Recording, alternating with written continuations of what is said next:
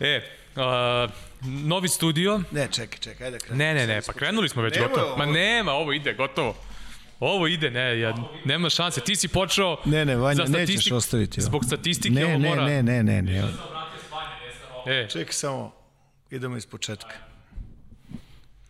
pustit ćeš Vanja. Neće sigurno. E, no, novi studio na kraju univerzuma, promenili smo lokaciju. Ajde, probaj. Malo, I novi studio. Novi studio, da, da. Uh, malo, smo, malo se još ovde snalazimo, tako da ovaj, opet, Džile, imamo interesantnih priča, opet imamo interesantnog gosta u ovoj petoj epizodi. Da. Imali smo još interesantnijeg, ali smo ga sačuvali. Tako je. Pa, Mislim, sačuvao se. da, ali ovaj, pričat će i bit će to dobra priča. Biće Da. to i danas će biti dobro i ovo što smo za ovu epizodu spremili dobro i, i ovo je ono što se nadam da će biti u sledećem epizodu, mislim da će se vidjeti ljudima. Nadam se, barem. da. Uh, još smo ovde ono, u fazi ono, postavljanja stvari, ne mi, nego Roko i, i ekipa. Da. Mi pom pomognemo šta možemo, ovaj, ali um, ajde da krenemo polako priču. Ajde. E, standardno kako nam idu blokovi, prvi blok nam je uvek vezan za evropsku košarku dok ne počnu Euroliga, Evrokup i, i ostale domaće lige koje će biti uglavnom centralni deo naših i brojnih analiza i sve kada počne sezona. Sada možemo se dotaknemo već polako nekih stvari za razliku od prethodnih epizoda gde nije bilo mnogo utakmice. Ajde da krenemo od Gloria Kupa koji je e, pokazao neke stvari, nažalost pokazao i neke negativne stvari. E, neki zaraženi igrači, timovi su odustali, e, juče smo gledali duel između Crvene zvezde i e, Karšijakije, e, sada je, danas je odigrao Efes svoju utakmicu, ali definitivno sutra neće biti utakmice kako su stigle informacije između Efesa i Crvene zvezde, da se ne bi ništa rizikovalo i prepuštalo slučaju. Imali smo dobrih stvari i loših sam, stvari. Mogu samo da, da te ovaj, za trenutak samo prekinem. Ovaj, mi ćemo morati naučimo živimo s time. Da, pa jest. Znaš, i to, mislim, vest je zato što... kako kažu ovi stručnjaci, novo normalno. Da, ne znam, majke. Novo ja sam- normalno. Novo normalno, ja? Da. E, u ovoj novoj normalnosti je to što se desilo o, i taj problem sa nekim zaraženim igračima će morati da postane novo normalno. Pa jest. Da. Mislim, morat će igrači malo da počnu da vode više računa o nekim stvarima. Pa kako da se sakraš? Da. Kako sad ti? Što, Pa ne, ne, ne, što ne, ne, bacaš nego, na njih? nego, ne, ne, ne, ne, ne, nego mislim na ovako neke stvari van samog terena. Da se Nastavnici. malo više pažnje ipak obrati na, ne, na neke stvari. Kako se u NBA-u nije Aj ne desilo? vuci me za jezik. Kako se u NBA-u nije Pa desilo? balon je čoveč. Pa balon je, pa dobro, jeste. Kontrolišu se ljudi unutra, ljudi vam. Osim Daniela Hausa. Vidi, i on je hteo da da svoj doprinos borbi protiv uh, ove virusa. Na najbolji način koji može da zna. On je hteo da... Možda je htio da, da dobije samo neke značajnije informacije, ovaj, Ne, podrobnije ja, ja informacije. mislim da je samo hteo da pomogne i medicinskom osoblju da se bolje osjeća u ovaj, takozvanom balonu. Jel? Mhm. Ali da se vratimo Da. na, ove, na ovo što se desilo u Turskoj. Najveći problem, pričali smo o tome u prošloj epizodi, najveći problem je sa koliko sada pripremnih utakmica ćeš ući u novu sezonu. Da.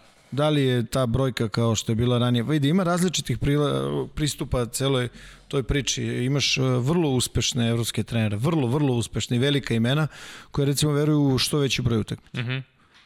Znaš, prosto od početka vrlo rano se počinje s utakmicama, malo te ne, ajde sad da ne preterujem, ali ono, dva dana treninga i treći utakmice, dva dana treninga i tako dalje. Ovaj, dok imaš, imaš drugačije pristupe, naročito kad imaš možda ovaj, noviji tim, gde treba više stvari da se postavi i uspostavi, ovaj, onda verovatno treba malo više posla, a, rada, ali mislim pripremne utakmice pripremne utakmice trebaju da, da, da služe upravo tome, Na, znači pripremi neko. I meni uvek, meni lično nikad nije bilo puno jasno zašto se ovaj, a, daje previše takmičarskog značaja tim nekim turnirima, kupovima, ne znam čemu, utakmicama pre početka sezone umesto da, da postoji da imperativ ili primarni cilj bude priprema, provera i tako dalje, onda se tu e, mislim da se bespotrebno dodaje takmičarski neki ovaj po meni prerani moment. Mhm. Mm Znaš, e sad da se vratim na ono što smo pričali, koliko utakmica ti je potrebno da se spremiš. Da li je to sad ovim novim, ovom tvom novom normalnom, da li je to 6, da li je 8, 10, ne možeš da organizuješ 10. Ne može, ja sam probao da gledam, probao sam da, da, da vidim broj utakmica koji su organizovali naši, ovaj, mislim, timovi odavde koji, koji, koji su nam bliži, to je limitiran broj u odnosu na ono ranije. I sad veliko je pitanje kako će biti na početku. Na početku ovaj, sezone. I sad to, vidi, nije to ispit za trenere igrače, to je ispit za one koji su im dali posao. Uh Mhm. -huh. Da pokažu nešto malo više strpljenja i razumevanja za situaciju. Ne možeš da igraš na početku sezone najbolje. Prosto ne možeš, to nije normalno. Da. Naravno u ovoj situaciji. I ne pričamo o tome kao nekakvom alibiju ili, ili ne znam, ovoj nekoj preteranoj analizi, prosto to je činjenica. Jeste. Naravno kad se tim menjao. Ako promeniš tim, kako možda izgledaš u ovakvim uslovima, odlično odmah na početku sezone. Mislim da je to vrlo teško. Euroliga danas počinje ove svoje turnire, to jest evo u ovim trenucima kad smo mi počeli, otprilike da je počela i, i prva utakmica na, na turniru u Kaunasu. E, možda ćemo malo više, ne možda, nego ćemo sigurno malo više sledeće nedelje pričati na tu temu. Smanjit će se i broj NBA utakmica, moći ćemo polako da, da radimo pripremu i najavu Evroligaške i Evrokup sezone. E, da, do, do budućnosti Partizan nismo imali prilike da gledamo, Partizan je dva puta dobio ekipu Kluža, da tako kažemo, bez publike. E, što se tiče Crvene zvezde, Crvenu zvezdu smo mi prenosili na sport klubu e, u mečima protiv Turk Telekoma i juče protiv Karšijake. E, novi trener Saša Obradović i njegov stručni štab e, su za sada pokazali e, zaista dobre, dobre igre. E, posebno juče Turk Telekom je možda, to sam ja rekao i u prenosu, Turk Telekom je možda ljudima po imenima zvučnija ekipa. Međutim, Karšijaka ti dobro znaš kako, kako igraju ekipe u Fuka Saridže, vrlo agresivno. Da, oni su uvijek dobro takmiče. Da, takmiče se, ne, nevezno li je prijateljska utakmica ili je playoff utakmica. Ne postoji prijateljska. Pa dobro, da, mislim... Šta ti znači prijateljska? Da, pripremna utakmica. Hvala, da, molim te, nemoj prijateljska. Dobro, dobro. Prijateljska. To će morati ovi... Između da... četiri vatre, šta? Da, Uglavnom, ovaj, Zvezda je prilično dobro delovala. Ja sad ne volim da mnogo u tim pripremnim mečevima se priče, da se previše hvali, ali generalno neke stvari moramo da konstatujemo, da se vidi već pečat Saša Obradovića da ekipa nema mnogo uspona i padova, da je to onako E, dobro sve odrađeno, dobra odbrana, vide se već neke stvari e, ko će biti nosioci, ono što smo najavljivali za, za pre svega Lojda, Voldan je jednu propustio, juče igrao u drugu utakmicu, e, tako da se već neki obrisi vide i Zvezda e, pokazuje da, da će naredne sezone biti verovatno prvi favorit na ovim prostorima, e, iako jel te, se ukazao taj problem na centarskoj poziciji na mestu gde je Zvezda u suštini potpisala jednog vrlo, vrlo kvalitetnog igrača, da. kakvih je malo i kakvih je vrlo teško naći koji su onako da kažemo u, u, lako uklopljivi u modernu košarku. Pa baš sam teo nešto da više kažemo ovaj, o slučaju ovog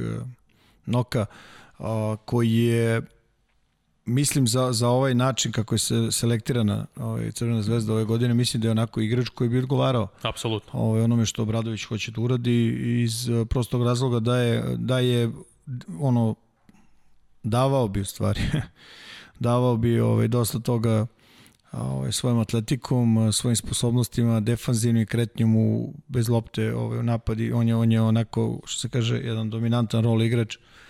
Međutim, definitivno, da mislim, koliko ja znam, to je ta priča završena ovaj, i, i ovaj, Crvena zvezda je u potrazi za još jednim visokim igračem. Mm -hmm. Ja mislim da je to i mno, mislim da je vrlo bitno koga će uzeti. Da. Mislim da treba da uzmu ovaj, drugačijeg, drugačijeg igrača od, od onoga što sada imaju u timu, iz prostog razloga da, da bi mogli da, da odgovore, da, imali, da bi imali više ovaj, mogućnosti u napadu i odbrani ne bi se iznenadio da, da ovaj, još jednog spoljnjeg igrača potpišu. To ne znam, mislim, ne znam da li traže, ne traže, znam za centra, to je potpuno, pa, logično, da. potpuno jasno, da. ali ne bi se iznenadio da se dovede još jedan spoljni, da. još jedan spoljni. Duo Pric se solidno snašao na poziciji petice, na ove dve utakmice, aj pre svega na onoj prvoj i drugoj brzo ušao u penale. Uh, ali nije pet. Pa nije, da, formacijski nije, nije ali se snašao u toj to ulozi. To nije njegova prirodna, da, njegova, da, da. nije njegova prirodna pozicija. Apsolutno, apsolutno. Očekuje se Ognjen Kuzmić da se nakon svih dešavanja povreda i, i svega ostalog da, da polako uspe da se vrati na neki pređašnji nivo. Na toj poziciji 5, agresivnost Zvezde je takođe vidljiva, što je takođe odlika Obradovićevih timova. Dosta se pakuje reket, opterećuju se one linije prodora ka košu i tako dalje, tako dalje. Nije lako ući u reke, to je nešto što je onako bilo primetno nakon ove prve dve utakmice. Nećemo mnogo, kažem sad, da se, da se bavimo nekom analizom, jer su to utakmice koje su tek za uigravanje i treneri uh, uigravaju sve varijante, uskoro će se to početi pa ćemo se više uh, baviti uh, time. Hoćemo da se dotaknemo ABA lige i ovih svih najava da je Primorska navodno raspustila ekipu, da neće igrati u ABA ligi, da će MZT umesto njih, a da će Borac Banja Luka u ABA 2, eto, ako to se bude definitivno desilo, lepa vez za borac iz Banja Luke koji je nekada u punom boriku znao da pravi ono lepu atmosferu, da igra sjajne utakmice, pa vidjet ćemo kako će to izgledati u budućnosti. Pa na, navodno je ta priča sa Primorskom gotova, tako? Pa da. Ali ne možeš da kažeš da nije bilo nak, nekih naznaka da će tako nešto i da se desi. Tako je. E sad, ovaj, um, da li iz kojih razloga nije ta situacija rešena ranije, nego se čekalo ovaj, september, odnosno ovaj, ovo, ovaj sada trenutni, trenutak, ne znam, stvarno, ali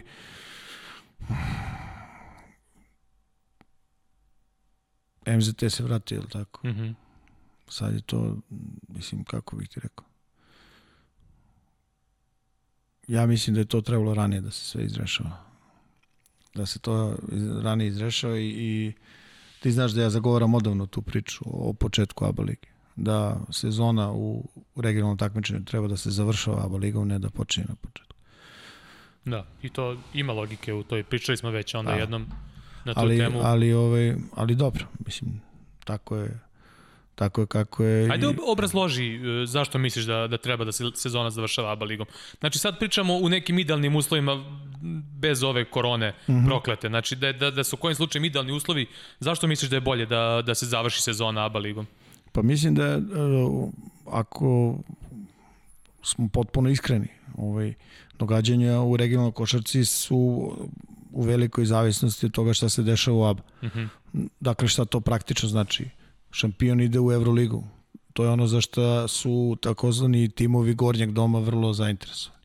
On određuje se koji ispada kako se ulazi u, u iz ABA 2 u ovo i tako dalje i tako dalje.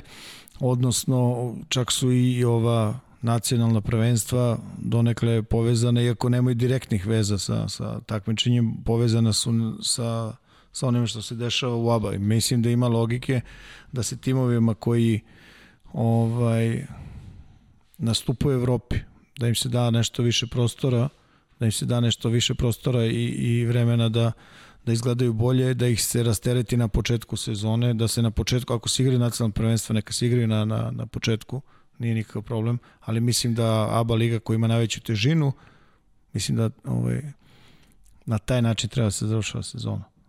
To, to su dva osnovna razloga ovaj, za takav moj stav. Mm -hmm. Dobro, da završimo ovaj prvi blok posvećen evropskoj košarci, e, drugi blok standardno video analiza, da. E, ovog puta će biti video analiza Malo mix, drugačije. mix evropske i NBA košarke u potencijalu. Da. E, u NBA-u se sada dosta priča o svim pomeranjima datuma, već smo o tome pričali. Pominje se bi draft sa oktobra mogu da se pomeri na novembar.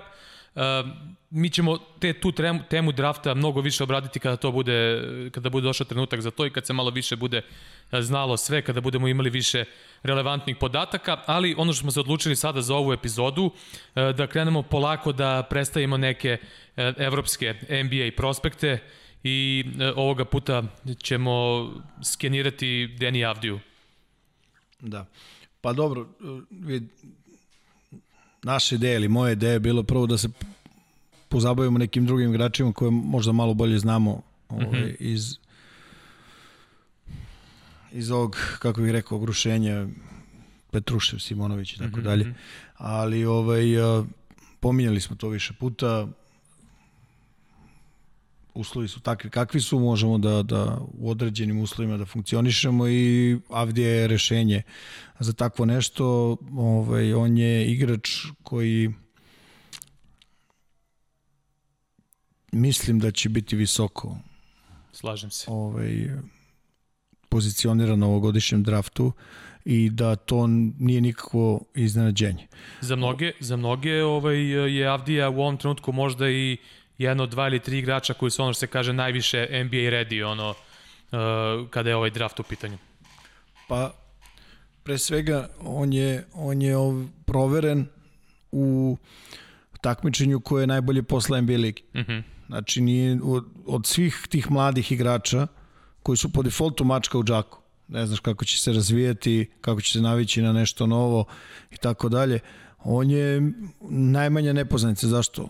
On je vrlo zastupljen bio u ovoj u Euroligi posle toga na kraju na kraju prvenstva u Izraelskoj čak bio dominantan igrač. Apsolutno. Dominantan igrač za za ovaj za Makabi Tel Aviv. Počinjaju utakmice za za ovaj Makabi. Završavao je važne utakmice mm -hmm. za mhm. Makabi. O, da li je bio takozvana varijanta igrač ko se igra napad? Ne, sigurno ne, nije bio u nekim prvim opcijama, ali je onim svojim kvalitetima upravo u stvari pokazao ono što se od njega i očekuje NBA barem na početku. Znači, pre svega, ovaj, on je za svoju poziciju, njegova prirodna pozicija je 3. Mm -hmm. Što znači da u nekim small ball varijantama verovatno možda bude i neka, neka četvorka. On ima, on ima stvarno ovaj, dobru visinu, ima ovaj, njegov onako size je stvarno ovaj, za te godine je zadovoljavajući znači dovoljno veliki, dovoljno visok za ono što se očekuje od njega.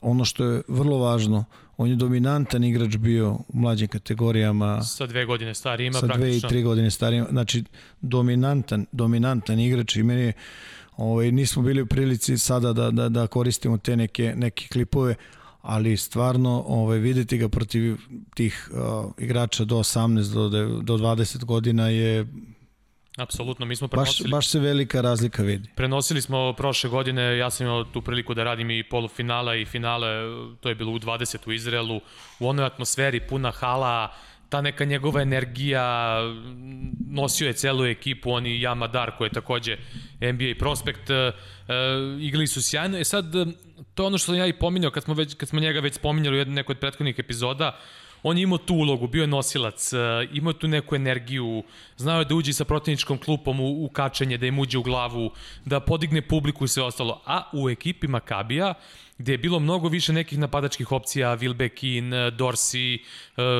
tamo Način da ih, igre da ih sve, je znači on je totalno, pomeren ka, ka po igračima na poziciji 1 i 2. Tako je, znači nije, nije imao mnogo loptu, a on je našao načine kako da se nametne, e, našao je načine da naprede u drugim segmentima igre, našao je načine kako da, u, ne znam, e, u switch opcijama brani pod košenje mnogo jače i više igrače, nekako e, gledajući Makabijeve utakmice i radeći prenose tih utakmica, uvek mi je upadalo u oko to, taj njegov trud i to kako se prilagođava da bude svestran i da tamo gde je možda imao nekih problema da naprede u tom segmentu, a da ne forsira na drugoj strani nego da čeka svoju šansu. U toj nekoj priči e, brojni skauti mu otprilike nalaze manu šuta E sad, ja, moje mišljenje je da njegov šut nije problematičan, već da je samo uloga bila problematična. Ne, ima, dobro, dobro, da, završi, mislim, da mu treba ta neka vrsta možda energije, da bude on ta neka opcija i da će se u takvoj ulozi mnogo konfornije osjećati da uzima te šute, što smo na kraju videli na, u tim mlađim kategorijama, bez želje da poredim uh, nivo protivnika u, u mlađim kategorijama, nego jednostavno samo njegovu vrstu uloge koju je imao. Pa ovako, o,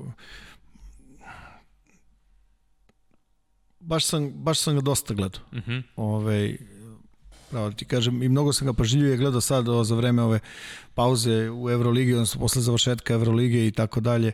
I ovaj, prva stvar koju volim kod njega, ja mislim da je nivo energije s kojom igra stvarno dobar. Apsolutno. druga, znači, o, o čemu se to radi, da, da, da prevedem to na, na, neke, na neki jednostavni jezik. Znači, trči u kontru, a, igra u prilično visokom intenzitetu, igra bez lopte. Ovaj, druga stvar koja mi je jasna, on je fizički spreman za, za ono što ga očekuje. Znači on nije inferioran, ne dominira daleko od toga kao što radi u, ovim, kao što se rekao, tim mlađim, mlađim ovaj, u mlađim kategorijama sa reprezentacijom, ali nije inferioran na evroligaškom nivou, što je dobar pokazat, dobar, dobar parametar pred odlazak, pred odlazak tamo. A, sledeća stvar, on je navikao na, na neku ulogu koju će verovatno imati na početku u NBA. Ja ne verujem da će, nadam se da će naći tim gde će biti onako još realnija ovaj, o, realniji deo napada, da će se igrati više kroz njega, ali sigurno da će imati i, ovaj, i te neke, te neke ovaj, neki kvalitet koji posjeduje pre svega kretnja bez lopte i dodavanje. On je vrlo, on, on vidi, hoće da doda i kapira davanje i prosto mu taj deo košarke mu nekako ide prirodno. On prosto prirodni da ono što nekim igračima trebaš da ne znam šta nikad možda i ne shvate cele karijere, njemu je već prirodno, je koliko momak, 19 godina, mislim, da, tako? Da, o, da li je to do košarkaškog gena, njegov otac Zufer pa je bio ne, možda pričam, sjajan igrač jeste, bio i strelac. Pa možda pričamo da li je do gena, da li do talenta, da li, ali on to ima. Da li do, do tog nekog razvoja u takvoj kući, tako kažem, uz oca koji, koji je znao da ga usmeri možda na pravi put. Pa ne znam, to verovatno, verovatno se i to broji, da. verovatno se i to broji, ali zašto ti pričam sve to? Znači on ima kvalitete da se uklopi maltene u svakakav sistem. Jedno, jedna vrlo zanimljiva stvar, a naročito to moglo da se vidi u ovom izraelskom prvenstvu. Kada u izraelskom prvenstvu kada igra sa imao, više... baš tu ulogu imao, jer nije bilo nekih igrača yes. koji su igrali u Euroligi yes. i on je dobio više prostora i više, one, veći mu je bio onaj takozvani usage rate. Ove, ovaj, on je bio mnogo aktivniji i ispostavilo se da može da igra na, na, i, i u, tako kažem, u većoj brzini i više sa loptom. Mm.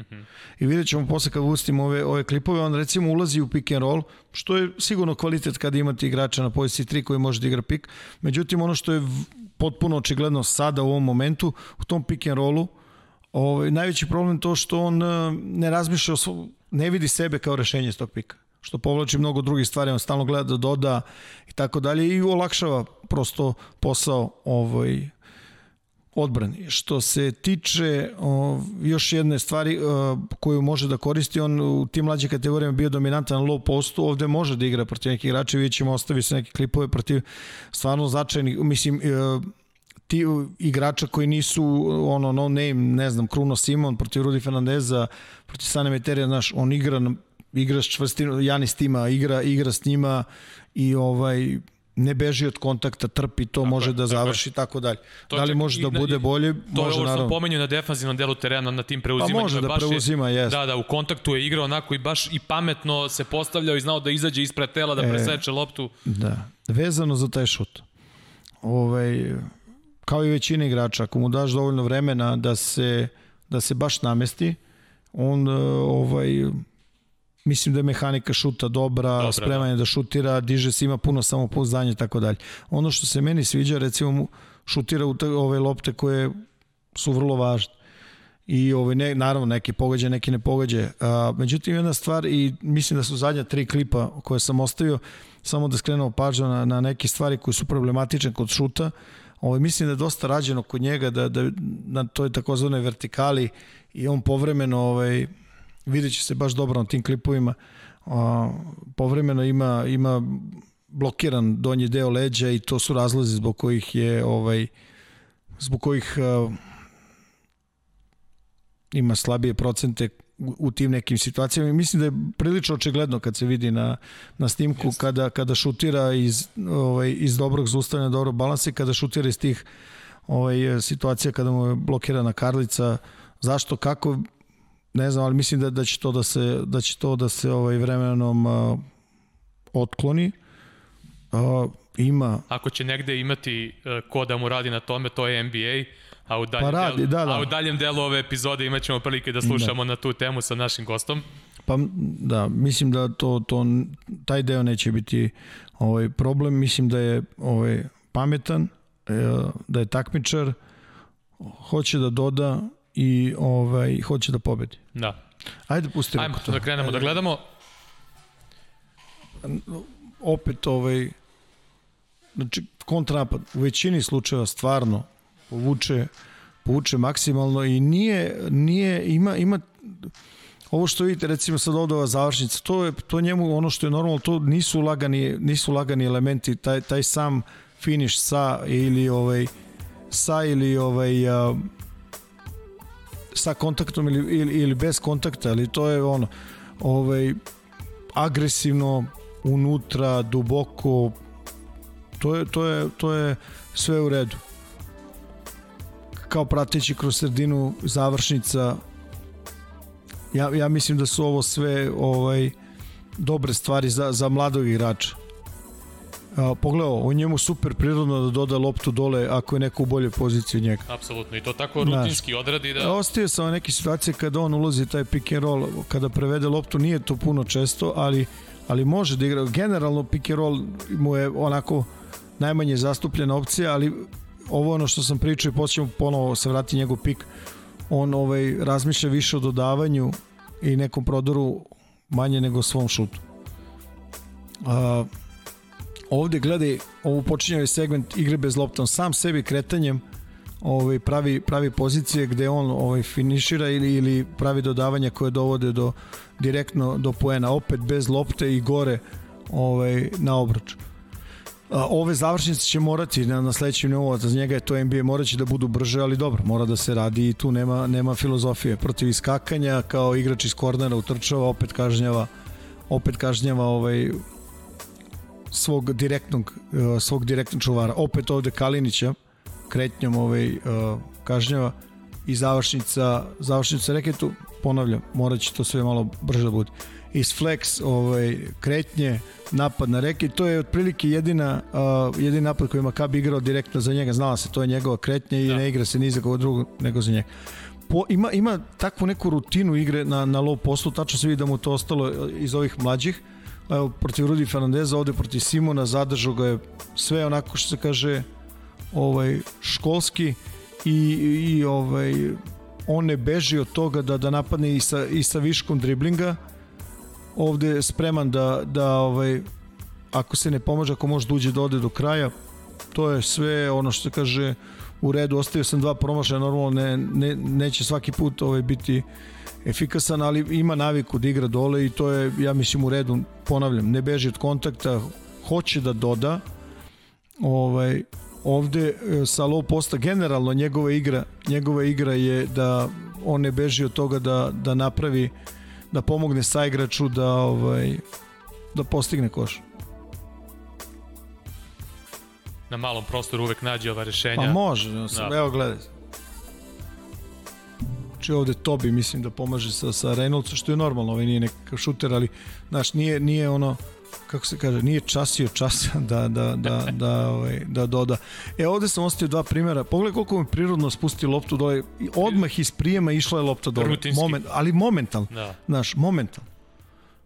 Momentalno. I, I to, to, je, to je super, ja mislim da to je jedan super kvalitet. Jeste, onaj ulazni pas što smo pomenjali u prošloj yes. epizodi da Phil Jackson kaže da je jedan od najtežih pasova u košarci. Catch and go, lagana, lagana asistencija, pa još jedan put, dva put je u istom posledu ovaj napravio poene za napravio poene za saigrač. Ovde ponovo odmah posle prijema napad čita stranu pomoći ja mislim da ovo je jedan dobar pas. Zaista brzina reakcije i čitanje situacije. Dobar je, da. mislim prosto je prosto je ovaj tu je u redu.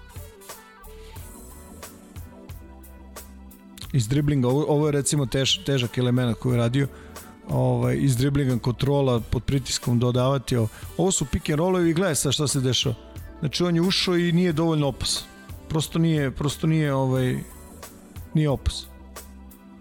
Gledaj sad, znači, nijednog momenta ne razmišlja o svom poenu, ovde mislim ko je ovo Papa Nikolao odbranio, to čito je taj njegovi, tu njegovu sledeću, taj njegovi sledeći potez. Opet ovde protiv Efesa, on uđe u pik, i seče, raširi, da priliku, međutim ne razmišlja o sebi. I to je sledeći stadijum je, verovatno sledeći korak u, u razvitku je taj šut iz driblinga pošto na prodor do kraja može da ode i hoće da ode, naročito kad je prodor u desno.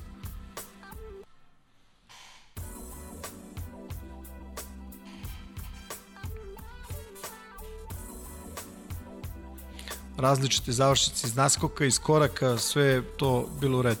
Ovde protiv preuzimanja agresivnog našao je ovaj, Stode Majera, a, mislim da je sledeći primjer da je zadržao, da je zadržao loptu u svom, ovaj, u svom posedu Malo postera, izrade postera. A da, to malo me manje to zanima. O, ovo me nešto više zanima. E sad, ovaj, pitali su, ja mislim da su tebe pitali šta znači napadati pod, pod oštrim uglovima. Da. Znači, što pre prvim korakom napadati odbrobenog igrača, ne dati mu šansu da se vrati u situaciju da. gde je ponovo između igrača sa loptom i koša. To znači napadati pod oštrim uglom. Ovo su šutevi ovo su šutevi ti iz mesta i kad ima vremena da ono što se kaže ovaj, da se smiri potpuno nađe balans, to su ove šutevi sa visokim ovaj, sa visokim procentom. Da.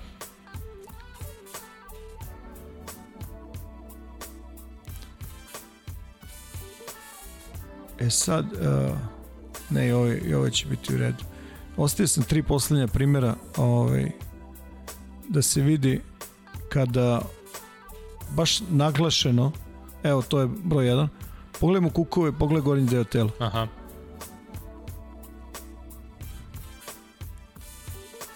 Isto to. Tačno se vidi da potpuno drugačije izbaci loptu i mehanika prosto mehanika šuta je promenjena. Da li su radili na tome da, da, da ostaje u, u svom cilindru prilikom izbačaja, ne znam, stvarno ne mogu da pričam na pamet, ali tako izgleda u odnosu na ono što je ovaj u odnosu na ono što što vidimo na ovim na ovim klipovima.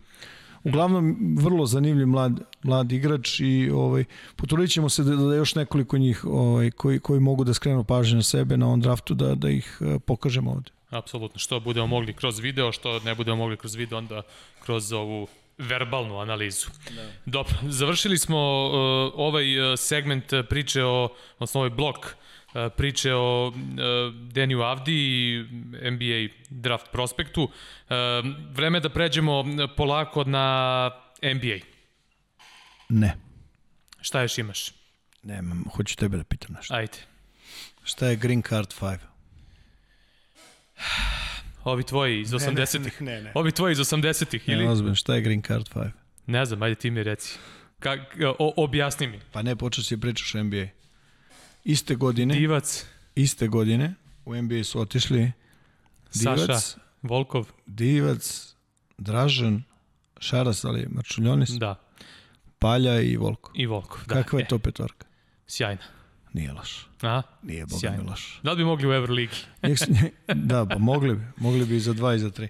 E, Ovaj, ajde, ajde, je- ajde, ajde da se dotaknemo kad si pomenuo tu petorku. Da. A, ja sam to i ranije volao da istaknem u prenosima i ono što smo i ti ja pričali, malo me nervira ovo neko hajpovanje danas za neke stvari, ono kao izmišljeno sada, izmišljeno ovamo. Uh, recimo taj kao cik-cak korak ili kako sad zove Eurostep, mnogi ga pripisuju, ne znam, i Ginobili, ovamo je namo, mislim, neko ko je tu u NBA-u prvi to radio je bio Marčuljonis otprilike. Mi ovde, mi ovde smo to gledali od gomile igrača. Mislim, to, ako se budem iznervirao na kraju ću da, da sečem sa svojih VHS. Treba je, treba da seče. E, Iznerviraj se. Da, i prošle Ma put... kaži im sve. E, I onda smo pričali, smo ono za one neke stvari u de, uh, 90. godine, pa si ti pominjao uh, za, za onaj španski pick and roll da su ga još Lakers igrali 80. Yes. godina.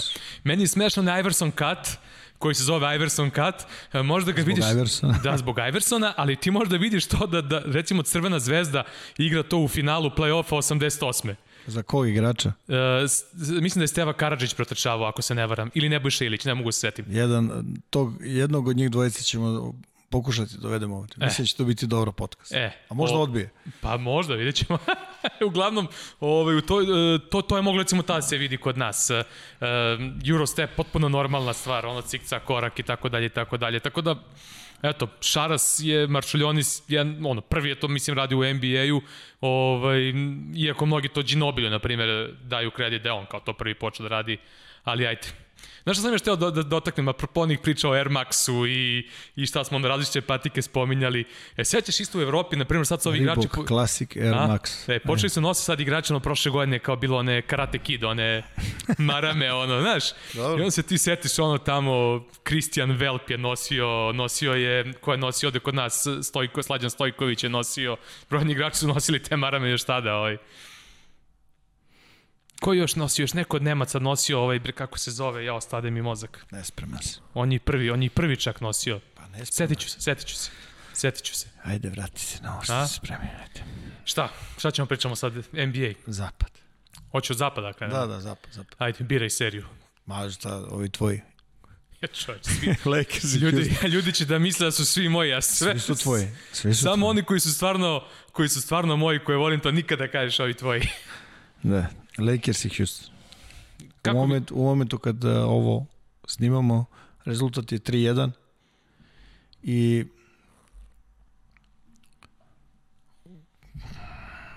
pa jedna dobra serija, pravo ti kažem. vrlo interesantna. Jest, vrlo interesantna i sudar dva stila i prosto je neverovatno da ovaj da Antoni je uspeo da da Houston dovede u poziciju da su, oni su ja mislim trenutno broj jedan odbrana Jeste. u NBA. Da, to smo pominjali, već u play-offu. U play-offu, da, da, izvinjavam se. Da. I ovaj, ali ono što je zanimljivo, pričali smo već o tome, znaš, troše toliko energije. Troše toliko energije da da ovaj ponekad se to ogleda u nekim drugim imaju neki drugi probleme, ali ono i dalje je to čuvena Dantonijeva ovaj koji je igrao i, i pre Hustona, to je o, takozvana ovaj mapa njegovih šuteva, šta traži? Traži zicere, traži Kor, šuteve, šuteve za 3 poena, naročito korner 3 i, I slobodno bacanje. Yes. Da. I sve ovo ostalo je... To su najuticajniji šutevi na rezultat i pogađaju su najvećim procentima, tako kažem. Pa najbliže su. Da. da. Pa, ovaj, generalno, i ovo sve ostalo samo jednom igraču dopušta, to je Westbrook, čak ima, postoji neka brojka, 75% ukupnih šuteva celog tima Houstona za dva poena ovaj, su od strane Westbrooka i, i ta širina njegova je da mu dozvoli da, da ima igrača mimo sistema, meni je ovaj, stvarno, stvarno dobar. Dobar primer ovaj, zrelog razmišljanja zrelog razmišljanja terena. A, ovu a, seriju generalno ovaj, dve stvari a, obeležavaju. To je, a, znamo da Lakersi nisu dobar trojkaški tim. Nisu. Mene zanima iz kog razloga Houston onda ne puni reket više. Zašto prodore i, i čak mnogo bolje brane low post, mnogo broje, bo, bolje brane low post nego, nego prodore. Da. Ja mislim da tu mogu da se još skupljaju, da mogu da nateraju Lakers da traže još više šuta s polja, još više šuta s polja.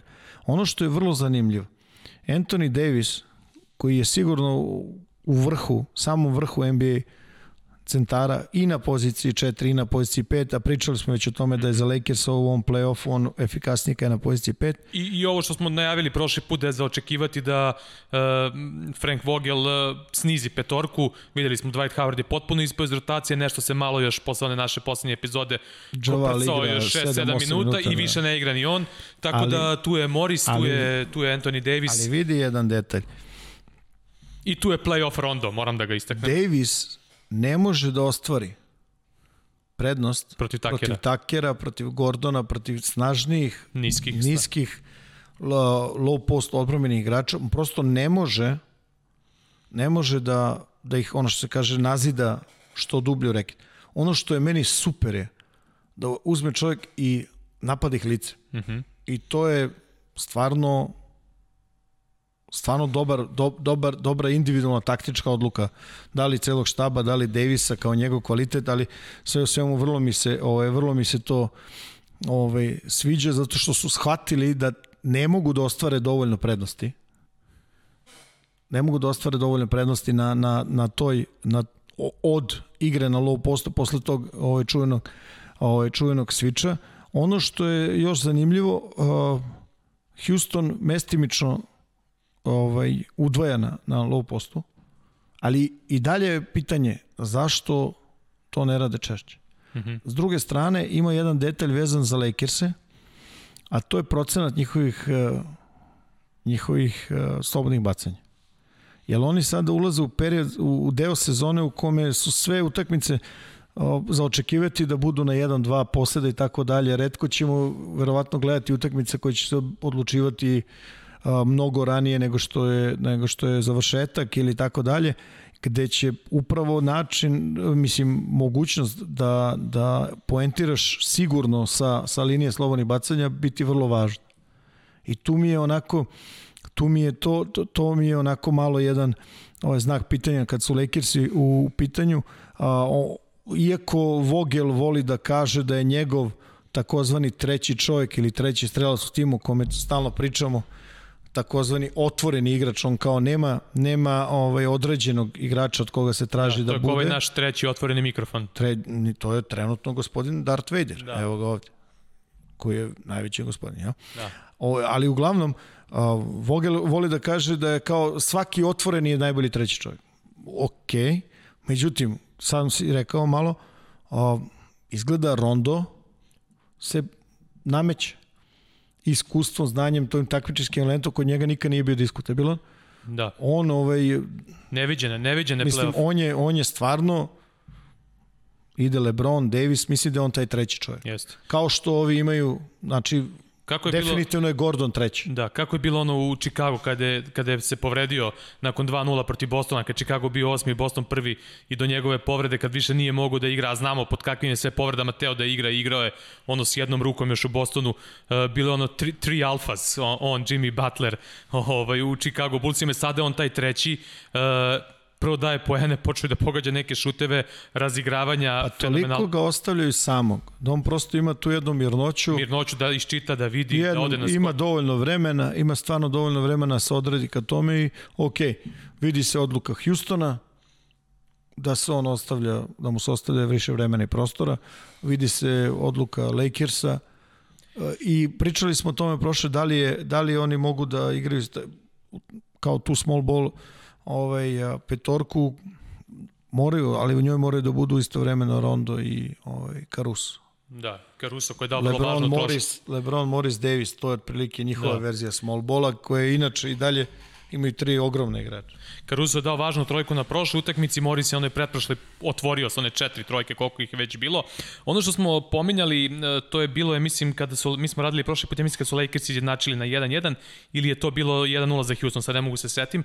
Uh, mislim da je bilo 1-1. U svakom slučaju, uh, ono što smo istakli, da su Lakersi uspeli da stegnu odbranu, da imaju veliki broj poena u tranziciji, I to je kako je serija odmicala bilo sve vidljivije i vidljivije do ove poslednje utakmice gde je bilo ultra vidljivo, gde je Houston imao onaj svoj stari govor tela, onaj užasni govor tela gde su bili potpuno bez neke energije i recimo odnos u, poena, iz- u poenima iz kontranapada je bio 19-2, od čega taj, ta dva poena Houston je dao fazon u poslednje minutu utakmice. Uh, poeni iz drugog napada 17-3, Pričali smo o tome, Srđo, I, I to je i ta tri pojena dali na samom kraju meča. Poeni iz reketa, ovo što ti pričaš, Lakersi 62, uh, Houston 24 poena iz reketa, skokovi 52-26 za nisu, Lakerse. nisu oni pravljeni da istovremeno rade to što rade u Mhm. napadu mm. i da kidaju odbrani.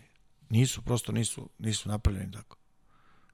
Ja bar mislim. I pričali smo u najavi te serije da će suma energije na kraju biti, ja mislim, vrlo važna. Možda su i umorni, znaš, lep, rekao si stvarno bitnu stvar, znaš, taj njihov govor tela je bio ono što se malte ne očekuje, ali ako ćemo pošteno, znaš, svi su iznenađeni koliko dobro igraju odbranu u play-off. Da. Znaš, u napadu to zna se šta je. Oni imaju sposobnost, imaju igrače koji prave sami sebi prilike za, za šut, znači Harden vrlo teško se brani jedan na jedan Westbrooku, vrlo teško se brani naročito u fazi tranzicije Čak- i to ostavlja sve ove ostale ljude otvorene. Da, čak je Vogel pribegavao u nekim momentima i onoj zoni 1-2-2 i to je pokušavao. Jeste, jeste. Igrao je, igrao je i zonu 1-2-2 i mislim, vidi, Houston je dobio prvo ako se ja Da, ovaj, da. ne varam i tri za redom je su Lakersi dobili šta će biti, mislim da je noćas ovaj, ta peta utakmica, ja ne znam, ali generalno mislim da ide to ka tome i ka onome što su svi pričali da će finale ovaj, posle, posle definitivne ovaj, um, kad se znao redosled na zapadu od prvog do osmog, rekli su da će Lakersi biti u, u finale konferencije, to će verovatno i da, da se desi. Da. Uh, Kyle Kuzma je imao na onoj jednoj utakmici 17 pojena sa klupe, ja mislim da je skoro sve pojene dao na rondove asistencije, mislim, apropo ove priče o playoff rondu. Pa možda, možda onako i dalje, i dalje je on takozvani onaj bljesak igrač. Ne možeš da se osloniš prosto na- na njega. Mislim da ponekad se i vidi da, da, da mu ova dvojica ovaj, da veruje malo više nekim drugim igračima. I to je, no, mislim, to je okej okay sad. Normalno, ali očekivali smo nastavi da se razvije i tako dalje. Dobro, Daniel House definitivno izbačen iz babla, tako da jednog Aj, igrača manje, to. u svakom slučaju ne baš idealna situacija za ekipu Houstona, tako je dobro počelo po njih.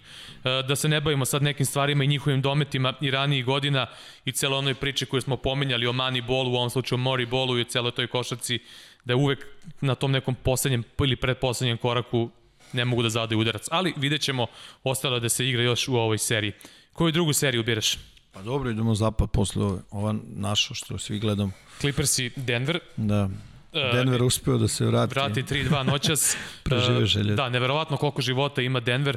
E, kad, kad ti se čini u nekom momentu da ne mogu ništa, u jednoj utakmici, u sledećoj se E, vrate u život, ali s druge strane i Clippers imaju određenih problema. Ono što nekako upada u oko, a što je bila njihova glavna snaga, ranije Lou Williams, Montrez Harrell i ostali, uvek su imali dominantnu klupu. Nekako utisak da u ovoj seriji njihova, njihov doprinos sa klupe nije na tom nivou kakav je bio ranije. Ali im Lou Williams. Da. Fali, I, fali im Lou Williams. Lou Williams i Montrezl Harrell, njihov e, izostanak tokom ovog babla se možda negde sad osjeća, s jedne strane, a sa druge strane, uh, ono što uh, moramo da istaknemo kad su Clippersi u pitanju, neverovatno koliko imaju tih nekih uspona i padova, kako znaju da se iz čista mira ugase, da, da nemaju onu energiju, ali opet bi to poredio sa onim Celticsima 2008. Nekako i tad je delovalo, tamo misliš, evo, evo ih, upali su, zgazit će sve, oni opet pap, i kad opet treba, oni odigraju kako treba. Ono što, ono što je definitivno posle ovih pet utakmica to je da, da je opet ta priča o trećem čoveku, znači jasno je ko vodi ovaj, Clippers se Kawhi ovaj, Paul George Morris se uspostavio kao treći. Da. I ovaj falim Lou Williams naročito tim momentima kad Kawhi nije na na ovaj na terenu imaju oni generalno imaju problem ako uđu u takozvane neke malo tesnije završnice iz, iz prostog razloga što onda se pokazuje njihova ovaj, stvarna priroda, oni su generalno skup ovaj, izvanrednih individuala. Apsolutno. I ovaj, ne treba im puno neke filozofije da bi sebi napravili da bi sebi napravili ovaj, priliku za šut. Nekad je to dobro, nekad je loše, isto tako što je definitivno uh, Denver osim osim ovaj Mareja i na dobro Jokića kada je na, na, na igra na svojoj poziciji nemaju to igrača koji će sam sebi da da iskreira šut i da iskreira uh, ovaj priliku za za ovaj šut sa visokim procentom. Ono što je ovaj što određuje ove ove utakmice koje gledamo je da Jokić igra izvanredno agresivno i direktne mm -hmm. čuvare vrlo brzo i vrlo vrlo ovako efikasno šalje na vrlo efikasno šalje na ovaj na klupu. Na klupu, da. I ovaj prosto tera ovog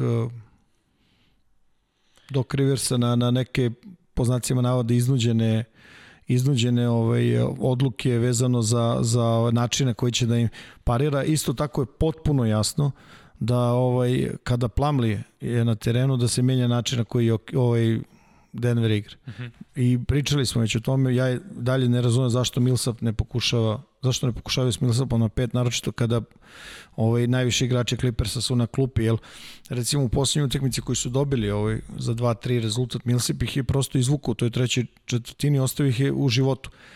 Vrlo čudna utakmica, znaš, ovaj, odvoje se Clippersi i ide, to sve se dešava. Da, 16 razlike. Beverly, Beverly maltretira Mareja ovaj, na oba dela terena, stvarno, generalno Clippers izmenjali su na njemu ovaj, šest čuvara. To je mnogo. Mm -hmm. Mnogo je za iskusnog, mnogo je za uspostavljenog igrača, a kamoli za Maraja koji ja mislim da i dalje ima prostora da se, da se razvije. On se probudio u drugom polovremenu, igrao je dobro i stvarno njegove te neki potezi su doveli do tog velike serije koje napravio Denver, koja se vratio i poveo. Ali utakmicu održao životu Millsap. Ono što je zanimljivo je da spremajući se, Clippersi spremajući se za ove utakmice, rade taj udvajanje Jokića, ali ono što je vrlo zanimljivo i nije se videlo više puta ove sezone, ove, dolaze sa strane pomoći. Uh mhm. -huh. I oni kao da žele, mislim, potpuno žele da, da Jokić vidi da čovjek dolazi i da mu izbije loptu iz ruku. To im je vrlo, vrlo ovaj, važno. I praktično do, do jučerašnje, sam, ili noćas to bilo? Da, noć, da. Do noćašnje utakmice, ovaj, nije, nije najbolje Denver ovaj, videlo se da, da postoje neke ideje, da prosto nisu sprovođene onako sa dovoljno discipline i sa dovoljno efikasnosti, već noća se to bilo malo nešto drugačije i oni su kažnjavali te, te trepove, ali i dalje je verovatno najveći problem za, za odbranu za odbranu Clippersa, taj pick and roll iz rasporeda 1-1-3, gde ta tri igrača igraju dole po čeona i otvaraju, Jokić ima mogućnost da, da bira da li će raditi kratki rol na, na ovaj, ugao penala ili će se otvarati na tri poena i to je nešto što stvarno pravi probleme, ovaj, pravi probleme Clippersima. Mm -hmm. Međutim, mislim da treba, da im treba još, uh, da, da Denveru još treba i da, um, kako bih rekao, bolje izgledaju kada lopta prolazi non stop kroz ova dva nosioca igre. Znam, mislim, možemo pričamo o tome zašto je ovaj, se Porter isplakao u medijima i ne znam koliko je to bilo pametno. Da. Ovaj, evo, treneraš, znaš kako, staviš trenera u situaciju da šta god da uradiš nije dobro. A ako ga zakucaš na klupu, vidi, evo ga ovaj sad, da. pa da, ovaj mali mu je rekao, vidi njegovu reakciju. Ako mu daš više minuta, pa da, eto, ovaj se isplako, dobio je više. Tako je. Znači, staviš trenera u vrlo, vrlo nepretnu situaciju. I recimo Porter noćas. Nije ga nigde bilo. Stao je trojku koja je nerazonska na... i lupio jednu rampu. Da, i, ka, i to kad je trebalo. I to je to. I da. Ok, pa lomila se utakmica, da. znaš. Ali nije baš puno pomakao da ta utakmica dođe u taj deo, znači u samu završnicu i da bude neizvestna pre toga učinak mu je bio, ne znam, nikakav. Nikakav, nikakav, da. Znaš, stvarno nikakav. I cela ta izjava sad... Ne znam, vrlo čudno, ja ne znam, baš mi onako... Ba, I meni isto, baš nekako mi se nije dopalo, ne, mada ne, opet... Ne vidim šta je poenta, stvarno, uh, nije mi jasno bilo. Ti, ni, ono što, ne znam ko je to pričao, Jalen Rose ili neko, uh, ti ne, ne, ok da ti sad očekuješ da ekipa deli više loptu i tako dalje i tako dalje, da je bolji protok, ali ti ovde direktno prozivaš Ama trenerove, čekaj, trenerove akcije ti, koje se pozivaju. Ti, ti razumiješ šta je čovjek rekao? Pa, pa mislim, To ti kažem. Ali dobro, pričamo o čoveku koji je podelio na društvenim mrežama broj Adama Silvera nakon ovog ruki savjetovanja. Mislim, šta dalje da pričamo? Jel tako? I bavio svojim teorijama zavere oko koronavirusa i tako dalje i tako dalje. Ali to je neki stav koji možda i prolazi u današnjem svetu i on ima sve kvalitete da bude super. Novo normalno. A, novo normalno, bravo. Novo normalno u tom slučaju. E, i ovaj, On ima te kvalitete, njega su povrede usporile, to smo već pričali. On je još kao srednjoškolac u, u Sijetlu tamo kod Brendona Roja. A jeli, a što ne kaže nešto, meni je stvarno Tako krivo, je. što ja ne mogu da pomognem timu nikako drugačije osim da šutam loptu. E pa, Čekaj malo, zašto ne kažeš novo, nešto? To je ovo novo, ja bi da potrčim najbrže, ja bi da svojim kretanjem otvorim za drugog, ja bi da skočim u odbrani, ja bi da skočim u napadu, ja bi da dodam na vreme, ja bi da pomognem u odbrani. E ti se čini da je malo popravi odbranu? I trud u odbrani. U odnosu na recimo onu ne, ne prethodnu seriju protiv Juta. I dalje je najslabiji igrač Jeste najslabiji, nije pa, sporno. Ali nekako mi deluje kao da ipak se više malo trudi nego što je bio slučaj protiv Jute. Bez želju sada ja njega nešto hvalim, ali ja to čisto samo da konstatujem. Čekaj, playoff NBA mi pričamo o nivou truda. Pa dobro, da, i to pa je tačno. Da I to je tačno. Pa nema, I to je tačno. Smo završili sa ovom serijom. Pa nema pojma. Uh, šta, hoćemo da prognoziramo nešto ili nećemo da prognoziramo? Nećemo, ti, ti si kladioničar, ja nisam. Ja, jo, šta mi ovaj čovjek sve stavlja, šta mi sve prišiva čoveče, pa ovo je neverovatno. Reci, Roko, a? Samo gleda veće manja broj poena. O bože, ne, e. znači neverovatno. Nije istina. Nije istina. Ma nije, šalim se ja. Uh, uh, idemo na istok. Ali vidi, a? svim srcem uz Denver. I dalje, je li tako? Da. Ti nisi. Pa, znaš kako, ja, ovo mi je serija, ona bukvalno gde kogod da prođe... E, ono, e, ali frapantno mi je Denver, ova noć s utakmica. Denver ide, je naš, ide, ide. Denver je naš, a ja opet s druge strane i Clippers-e volim Ma, do. izbog Doka Riversa, izbog Kavaja i tako. Tako da mi ovo jedna od onih serija, kogod da prođe, meni super. E, bravo, dečko. Pa, mislim, ta, e, tako je kako. se odlupa, donosi ali zato, važne odluke ali, u životu. Ali, ali zato u seriji između Milvokija i Majamija sam ono, ozbiljne stresove pretrpeo, tako da... Ne, ne, čekaj, prvo ćemo se vratimo na ovu... Na koju? Na Toronto, Boston. E, može, tvoja omiljena. Sinoć je završena sedma utakmica. Najzad. Uh, jedna od najzanimljivijih i najneizvesnijih serija u svakom smislu. Najavljivali smo šahovske partije.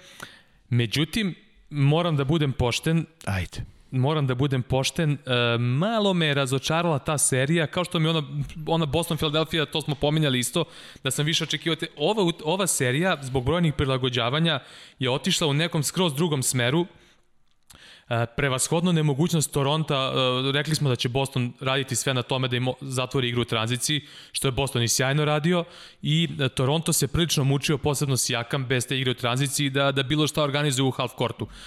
Međutim, deluje mi kao da recimo od one utakmice 3, da je Toronto počeo na silu da traži poene u prvih 6-7 sekundi i da je to došlo od toga da ispucavaju trojke u 6. sekundi. Tu ima oni podaci po second, uh, second spektrumu da su uh, efektivni procenti šuta uh, širom lige, da tako kažem, u prvih 6 sekundi. Do 6. sekunde. Da, da 60%, da, da. u onih srednjih 12 je nekih 53%, a u poslednjih 6 sekundi je na 40 i recimo 4%.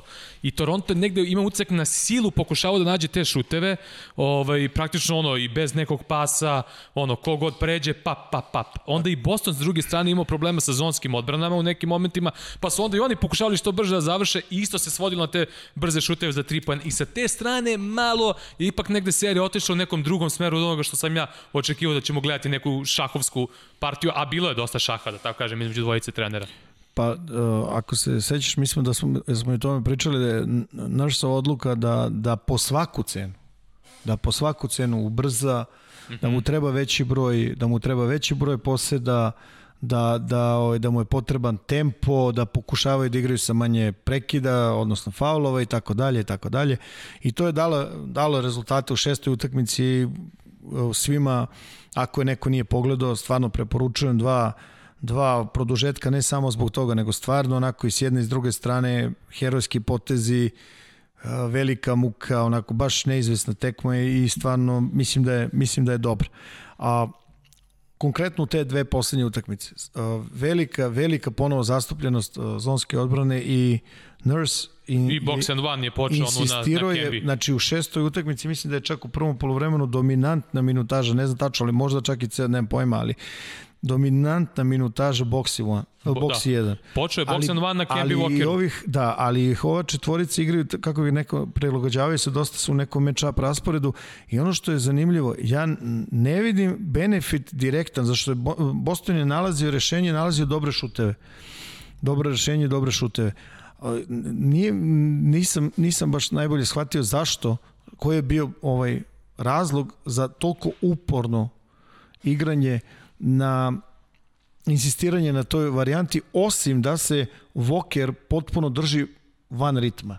Da li je procena bila stručnog štaba Toronto da je Voker u nekim neizvesnim završnicama igrač koji je po njima najopasniji, kao eventualni kreator ili, ili ovaj finišer, ja stvarno to ne znam, ali to to me govori. Ista je stvar bila i sa ista je stvar bila i u sedmoj utakmici puno boxa one i puno recimo u šestoj utakmice šestoj utakmice zone 2-3 da. gde se drži lopta na strani i tako dalje.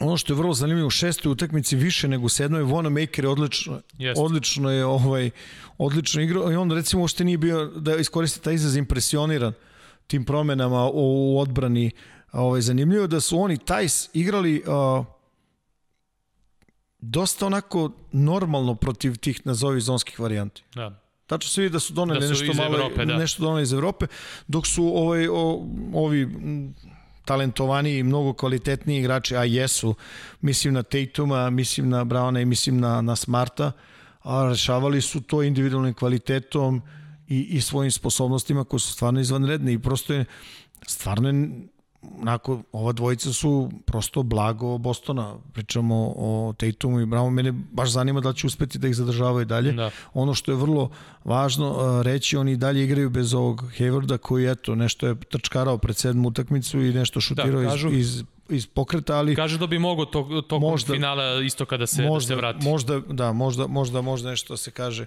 ovaj o tom. Utakmicu, šestu utakmicu a, je prelomio još, jedno, još jedan igrač koji je razvijen u Torontu, to je ovaj Powell, uh mhm. -huh. koji stvarno, nažalost, fali mu ono, ovaj, što se kaže, on je dva inča od All-Stara. Ovaj, I kada izađu sa tom vrlo niskom petorkom, a to je ovaj, Lauri, Van Vliet, uh, Powell i na, na zove centarskim pozicijama OG i ovaj, Pascal. A, dobro su funkcionisali naročito u odbrani i svodio se ipak napad ovaj Bostona se svodio na, na napad u izolacija. Nisu uspevali dole da, da nešto ovaj kažnjavaju, osim kada je taj stu najbolje kažnjava takozvani tu treću ovaj, taj treći mismatch, odnosno mismatch ovaj, u, u fazi skoka. I ovaj, međutim kada ga nema na terenu bez toga Boston je onako malo i imao i probleme da nađe, da nađe direktnu prednost. Da, mada, mada treba istaći i ovoga Time Lorda, kako ga, su ga prozvali ovaj, zbog svojih čuvenih kašnjenja na ovaj Robert Williams. Imao je solidan uticaj, posebno recimo prve dve utakmice za ekipu Bostona, solidne minute. Vidi, imao... Sinoć je odlučio utakmicu. Da. Sinoć njegov zadnji def, ono, odbrambena akcija za zadnji defanzivni play je odlučio utakmicu. Da, da. Vrlo, vrlo bitan ovaj I, uticaj na... E, sad šta je, znaš šta je problem? Uh, u svim tim, kada igra, iako igra small ball Boston, on ostavlja jednog igrača koji je bez uh, šuta s polja. Znači Williams može, ali generalno nije, nije šuter nije, na koga može da. da se osloniš. Tako da je jedan igrač tako da je jedan igrač ovaj uh, uvek ne, ste... u, u, u, u blizini da. reketa da. što je automatski ovaj znači da je odbrambeni igrač koji njega ovaj je odgovor za njega isto tu i može da zaustavi prodor ovaj prodor u reket. Da. Ti si, ti si mislio na Granta Williamsa, ja sam mislio na Roberta ovaj, za one prve dve utakmice, ali da, da, Grant, da, izvini, Grant, je, Grant je promašio sinoć na dva bacanja, yes, pokupio yes. mu je ofanzivni skok, pre, ovaj, Tatum, ili tako, Tatum, Tatum, da, i, Tatum i spasio mu je, što i on sam kaže, spasio mi je leđa, ali, ali posle u odbrani, da. To je zadnje, od, stvarno je odigrao, stvarno je odigrao kao treba. Znaš što je vrlo zanimljivo? Recimo, odluka da, iako je Baka, čak i ga Sol su igrali dobro, Mm -hmm. Znaš, ta, ta obsednutost uh, small ballom, ok, daje rezultate, ali me zanimalo, znaš, da li možeš da, ovaj, da, li, da li je pravac u kome se razmišljalo zaista ispravno. Recimo, ovaj, ne koristiti apsolutno gasola na low e, postu. To sam teo da pitam, ja prošle godine sam to, to pominjao. moram da, moram da, da priznam da mi je malo onako me, čudno, naročito što on, on a, je odličan dodavač i hoće da doda. Hoće da. Ajde ovako da te pitam, uh, pošto prošle godine sam ja to pominjao u prenosima, uh, samo što prošle godine je bio tu Kavaji koji je bio u stanju da izmisli poene kad je frka. Uh, prošle godine u nekim momentima serija se Toronto mučio da nađe poene, kao što su i sada mučili. Uh -huh. uh, I ja sam baš to negde pomenuo da, da isto mene čudi da ne pokušavaju uopšte da igraju kroz Gasola. Ovoga puta u ovoj seriji su pokušavali da igraju kroz njega više kroz neki rol, uh, a ne na onaj pop da šutira za 3 poena, ali nisu mu spušteni na low post. Uh, kad se pravi spacing, spacing ne mora da se pravi tako će svih pet da budu napolje, tako? Ajde malo nam to približi. Može i spacing dobro da se napravi preko low posta. Pa naravno da može. Pa da, pa naravno da može, da. Ajde ti to objasni iz trenerskog ugla. Hmm. Pa vidi, kada o to o čemu ti pričaš takozvani open ili otvoreni raspored, kada imaš da. na pet uh, spoljnih uh, tačaka, znači na kecu, na topu, 2.45 da. i 2 kornera imaš da. igrače, ili ono uh, ono ulični izraz je rukometni raspored, mm -hmm. znaš, kad se razvuku onako po tri poena i ovaj i jeste stvarno je popularan u poslednje vreme, a međutim dubina znači tri dimenzije napada, postoje da ne ulazim puno u neku filozofiju, znači širina... A uđi slobodno u filozofiju. Čekaj, bre, stani. Znači širina, odnosno mogućnost da ubaciš s polja, znači ono što ti daje širinu napada, dubinu koju možda ostvariš preko low posta, utrčavanjima ili prodorom. Mm -hmm. E sad, većina timova sada, ako može da napravi, ako može da napravi ovaj prednost u igri 1 na 1, pričali smo o tome od Antoniju, zna, na, svi, svaki trener u NBA kaže da, ako možeš da daš zicer, normalno da ideš do zicera. Mm -hmm. I to je najnormalnija stvar. Međutim, znaš, ne možeš da ideš do zicera ako imaš ovaj, tog jednog čuvara koji ovaj, koji je po defaultu u reketu zato što njegov napadač, onaj koga on direktno ovaj, pazi, ne može da nije efikasan s polja. Međutim, ima drugih načina da, da iskontrolišeš, da iskontrolišeš igru igrača koji vrši kontrolu reketa. Nije to nikakav problem. Naravno da može da se pravi vrlo zahvalni spacing i sa jednim igračem unutra, čak i sa dva. Da se ne vraćamo sad puno neku istoriju, ali bilo je puno vrlo uspešnih timova sa, sa dva centra, sa jednim koji napada leđima i ovim drugim dole. Pa evo da se vratimo na, na Golden, da se vratimo na Golden State na njihov split. Koliko ne, samo, se... ne samo Split, nego recimo naš najbolji rezultat recimo San Antonio koji je definitivno tim koji je ono zadnjih 20 godina dominantan i tako dalje, oni su proslavili taj raspored sa dva unutra, tri s polja. Mm -hmm. Pa su dugo igrali sa jedan unutra, odnosno kao low post igrač koji napada preko dubinu, preko low posta sa četiri s polja gde uđeš u kretnju i tako dalje i tako dalje. Open, ra, ovi otvoreni rasporedi ili 5-0 ili kako hoćeš god da mhm. ih zoveš, ovi su rasporedi koji se otvaraju za igrača da ovaj da napravi taj prodor da napravi prostor da se ode na prodor do kraja. To je recimo a, to je recimo u Milwaukee uradio. Milwaukee je to uradio sa, sa Lopezom. Lopez je došao u Milwaukee kao vrlo, vrlo pristojan lopost igrač. Mm -hmm. Pa to mu je bila glavna igra da i dok u onoj poslednje godine e, u necima počeo da se oslanja skroz da, samo nešto da, da šutira, jest. Da. E, međutim, on je, ovaj, on je došao kao ono što se kaže pretnja sa low posta. Međutim, zbog toga što igra sa Janisom, Ovaj, on je potpuno promenio način igre i praktično veći deo ovaj, minuta on, on, minutaža on provede na polju, što otvara za Janisa i još jednog igrača sa Lotom Bledsoa. Znači, zbog njih dvojice praktično Lopezove low post uh, kvaliteti su žrtvovani. Znaš. Jeste. E sad, taj open raspored sa pet spoljnih, praktično dovodite, uh, to nisu najzahvalniji to nisu najzahvalniji rasporedi za igrače koji žele da ovaj koji nisu dobri za, u završnici u reketu. Mm -hmm. Nego kreiraju svoje šuteve sa ovaj, sa polu distance, u izolacijama, ali ne igraju na prodor, kao što je recimo Middleton. Mm -hmm. Razumeš? E sad, znači otvarati reket protiv takvih igrača praktično da bi stavio ovih pet spoljnih, stavljaš ih na ovaj na uglove penala, oni su tu u dobroj poziciji za pomoć i vraćanje i teraju te da dodaješ. Ne znam da li me pratiš. Da, da, pratim. E, e, to su osnovne, znaš, to su dva osnovna razlike u, u, ovaj, u tome kako možeš da, da napadaš spacingom. Znaš, da li ćeš da igraš ovaj koji ti spacing sa jednim igračem ispod nivoa penala u dubini ovaj ti otvara napad sa takozvane četiri četiri ovaj, spoljne tačke da su svi igrači na jednom i po dodavanju, da ne ulazim sad puno. Dok recimo ovaj open raspored, pošto je taj old school raspored 1-2-2 široko, gde su svi igrači na prvom davanju koji otežava otežava ovaj kreiranje šuta, ali otvara ovaj prodor zato što nema igrača u u reket, u, u blizini reke. Uh, ajde da završimo samo priču o, o Torontu i, i Bostonu, apropo ove priče o zatvorenoj igri u tranziciji ekipe Toronta.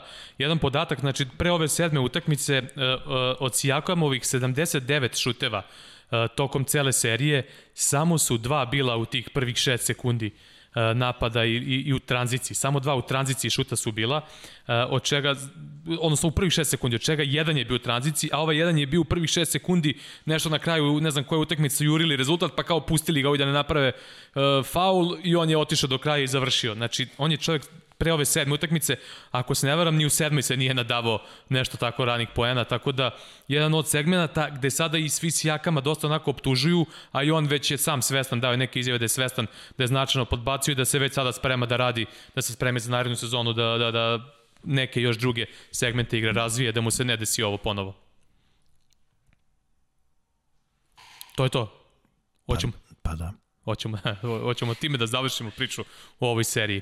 Dakle, imamo uh, duel između... A, kad se sve podvuče, mislim da je Boston zaslužio da, da ode do, do jest, finala konferencije. Jeste, jeste. Delovali su kad. Se sve, kad se sve to sabere. U ovoj da. šahovskoj igri delovali su komfortnije na terenu sa više rešenja ovaj, u, u, u celoj seriji.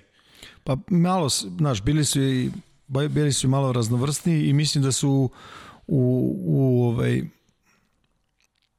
Mislim da su u odbrani bili bolji od Toronto. Mm -hmm. Prosto u momentima kada je trebalo da, da, da se lomi, oni su ovaj pokazali e, nešto ovaj veći kvalitet od ovoga. Za Toronto je vrlo značajno da su uopšte došli do, do ovde, u smislu ostali su bez najboljeg igrača, igrača koji je bio dominantan alfa, alfa I, i koji je, pra, tima. I koji je pravio razliku u ovakvim vrstama pa utakmica. Pa jeste, znaš, ovaj, vidi, a, realno, da, da bi pravili definitivnu razliku i da bi terali odbranu da, da, da, da ih, ne znam, da ih prilazi, da ih udvaja na kraju posljeda kao što se radi, ne znam, protiv Lebrona ili protiv Hardena ili tako dalje. Prosto Lauri i Van Fleet su niski. Mm -hmm. Znaš. Jeste, i Prosto to... je to, to je tako. Da. I, ovaj, I oni su izvanredni, izvanredni igrači. Izvanredni igrači, ali očigledno im je falio taj neki kavaj što je, mislim, normalno, fali svakoj ekipi na, na, u NBA. Da ti uzvrtim udarac, će ovi tvoji Nixi da potpišu Van Lita. A, ima drugih timova, ali neću da pričam o tome. Ima puno lipih stvari, ali ne smijem da. rići. E, setio sam se, setio sam se ovoga Vernemca što je nosio Maramu među prvim, ako ne i prvi, Henning Harniš. A, Sećaš, Harniš je prvi nosio, još ja mislim krajem 80-ih i početkom 90-ih je nosio onu Maramu. Ovaj, e, dobro, e, idemo na, na seriju između Majamija i Milvokija. Ona je još ostala da je izanaliziramo. E, ništa, ona jedna utakmica, povreda Janisa koji je izašao i nekako se videlo kao da to više poremetilo ekipu Majamija. Ovi iz Milwaukee se razigali, Majami se malo počeo se muči u toj utakmici, pa su već svi počeli da pričaju onoj teoriji bila Simonsa, ono Ewing teoriji, onaj čuveni ovaj, iz 99. Ovaj, da, da vidimo kako će sad kao bez Janisa ovi da igraju bolje otprilike. E, I tu prvu su dobili od dve, ali ovu drugu nisu mogli. Uh, povreda Janisa u, u, i definitivno na završetak play-off, odnosno sezone za njega u četvrtoj utekmici petu nije ni nastupao, u stvari otvara nešto mnogo važnije za Milwaukee, a to je šta, šta dalje. Uh. -huh. Znači, prva stvar je da li, da li će uspeti da zadrže Janisa, on ima pravo na taj super max, ja mislim 250 miliona za 5 godina, tako neka cifra, ne znam, da ne drži me za reč. Međutim, recimo, znaš što je zanimljivo? On u ovom momentu on nije najplaćeni igrač mm -hmm. Baksa, to je ovaj Middleton. Mm -hmm. E sad, znači... Da, Middleton je dobio, ja mislim, prošle godine taj ugovor, pa da, zato da. Pa okej, okay, ali ovaj, znači, prva odluka je da li je Janis i dalje taj oko koga se gradi. I normalno bi bilo da nastave sa njim.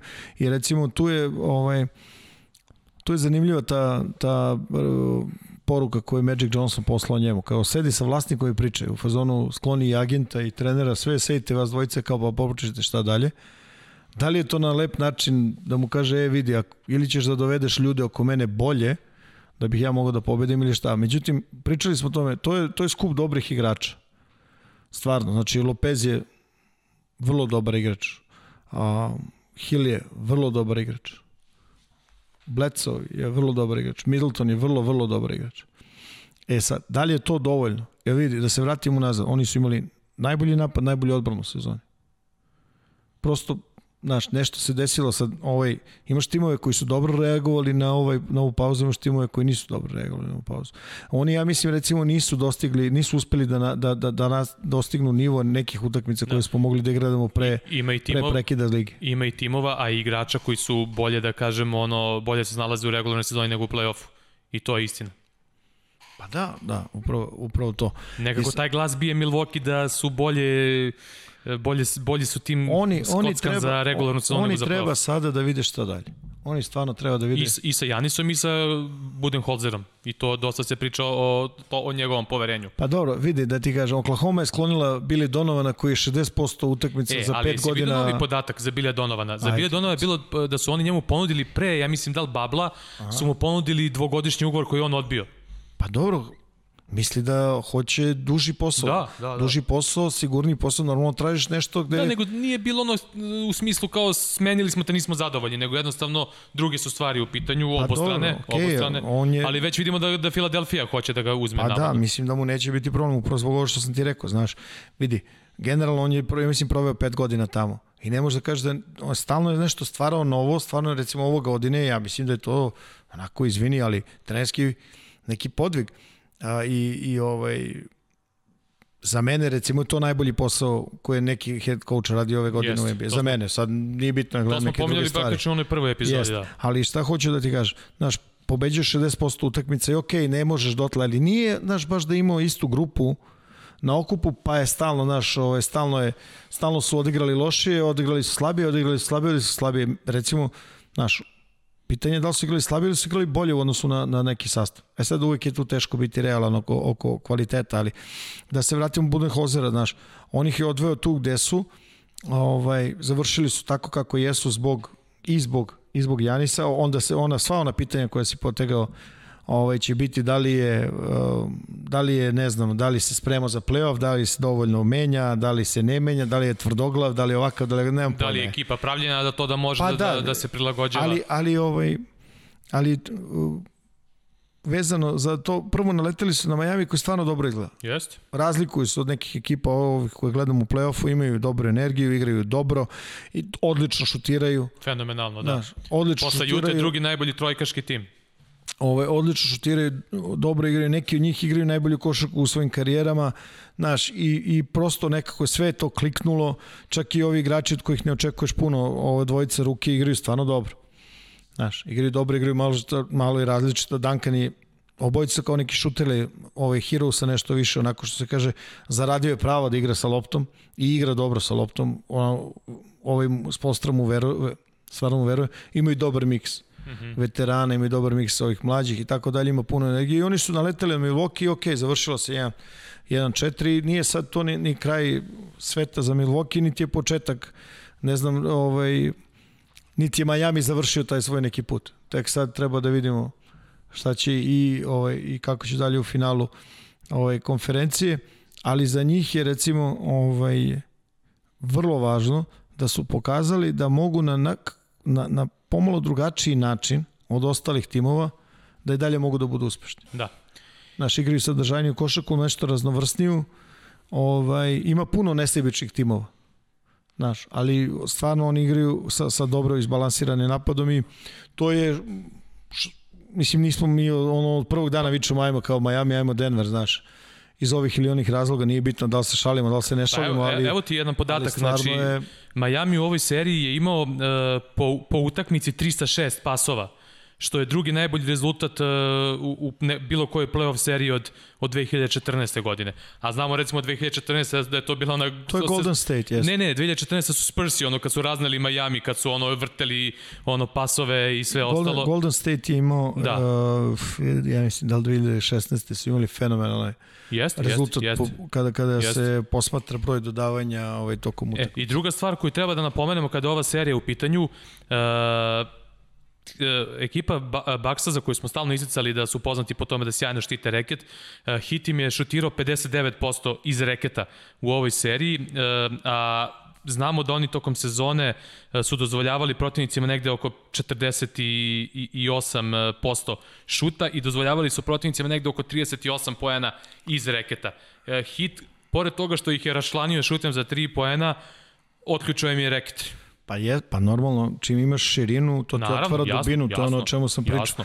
Ali vidi, uh, u devet utakmica play-offa Majamija, devet različitih igrača je pogodilo za 3 poena. Mm -hmm i neki su pogađali mnogo više, recimo Butler uh, ima neverovatne brojke u odnosu. 24% u regularnoj sezoni, yes. u jednom trenutku smo rekli 66,7%, sad je, negde sad je na 50%, 50% da. da, nakon I ove ovaj, serije.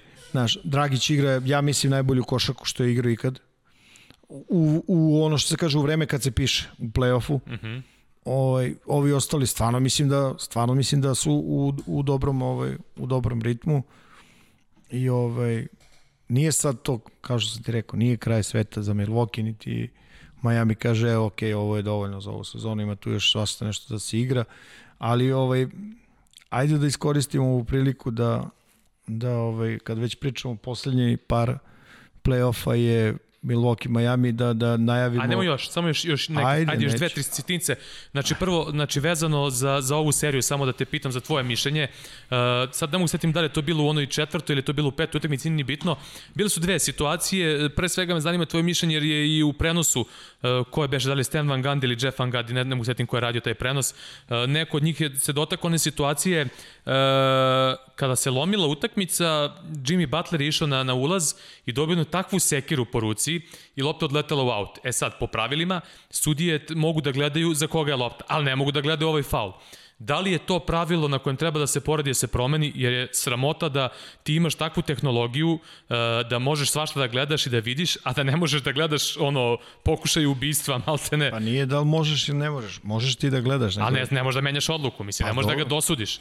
Da li nešto može se uradi po tom pitanju, pa po do... tvom mišljenju da li treba da se radi po tom pa pitanju? Pa dobro, ima tu mnogo stvari koje treba da se, znaš, malo... Da, mislim, frustrirajući... Koje, koje bi mogle da se promene da bi, kao, da bi košarka nastavila da se razvija. Ti vidiš, znači sudija to vidi, a ne sme ništa da radi po tom pitanju. Onda frustrira i navijače, i igrače, i, i sve žive, pojavljuje se neka frustracija. Pa da, ali isto a... tako sudija nije taj koji će tu doneti odluku, znači da. neko iznad njega. Da, jest, ovaj, treba jest, da jest. donese te odluke i najmanji problem će im biti da se sprovodi. Mislim, tehnički, ono, tehnološki postoje preduslovi za tako nešto bez ikakve dileme. Nema tu, nije to ništa Da. Diskutabilno. E, i druga stvar vezana za pravila, pitalo je dosta naših gledalaca ovaj, na Twitteru mi je pisalo i reklo da prokomentarišao malo suđenje u toj seriji. Za, zaista je bilo ovaj, dosta nekih ono situacije, to je bila koja je bešana druga ili treća utakmica, oni faulovi na šutu za tri pojena koji su svirani i Dragiću, pa posle na drugoj strani za pobedu. Jeste bilo prilično diskutabilno, a jedna stvar koja je meni zapala u, za oko, isto mislim da to bilo na utakmici koju je Milwaukee dobio, Miami ih je iznenadio u jednom trenutku sa, sa nekom odbranom i udvojili su I sad to, to je večita stvar koju u NBA-u možeš da radiš, time out. Mene recimo to pravilo iritira u NBA-u da ti ne, iznenadiš protivnika, on traži timeout. Pa zašto? To je, vidi, ako ti pravila dozvoljavaju... Pa dozvoljavaju, pričamo, okay, o, pa- pričamo pa... o samom pravilu, da li to pravilo može da se prilagodi da se dosta pravila se prilagođava. Imam utisak da se gleda na neka pravila ono tipa heka šek i tako dalje i tako dalje, gde nagrađuješ ljude koji nisu u stanju da pogode slobodna bacanja tako što menjaš pravila da njima olakšaš, a ovde neka suštinska pravila gde e, praktično timove koji te iznenade e, nekim stvarima u odbrani, ti ih kažnjavaš tako što pa dobro, ali, protivnik može da ima da uzme timeout. Ali Srđo, broj timeouta je limitiran. Jeste, jeste. Je tako? Jeste. Pa dobro, onda si uradio nešto.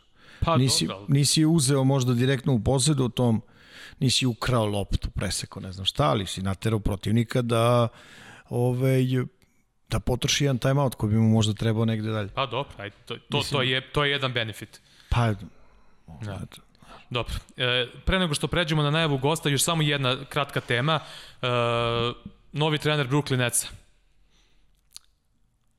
Steve Nash. Steve Nash iznenađujuće. E, mnoga imena druga su konfigurirala, mnogi su se spominjali. E, na kraju Steve Nash, čovek koji je bio veliki igrač, čovek koji e, mnogo zna o košarci, to je jasno kao dan, i čovek koji je bio neki, neki vr, neka vrsta ono člana stručnog štaba Golden State-a za individualni rad sa igračima. Vrlo dobro ga zna Kevin Durant, znaju ga mnogi igrači koji su radili sa njim. Neko ko je onako, se kaže, dobar i teoretičar, da tako kažem, same igre. Kako vidiš taj potez Bruklina? I Durenta i Kairija, da se ne lažemo, i ovaj, da li očekuješ da ako se opkruži dobrim e, saradnicima, kao što recimo slučaj bio u Golden State-u Ron Adams koga smo pominjali, da li očekuješ da Steve Nash može da krene nekim putevima Steve'a Kera, pošto me nekako podsjećaju jedan na drugog, ne po igri u igračkim danima, nego po karakteru i po nekim razmišljanjima i uopšte nekom odnosu, da tako kažem, sa, sa, sa igračima, medijima i, i, i svem, svem ostalom.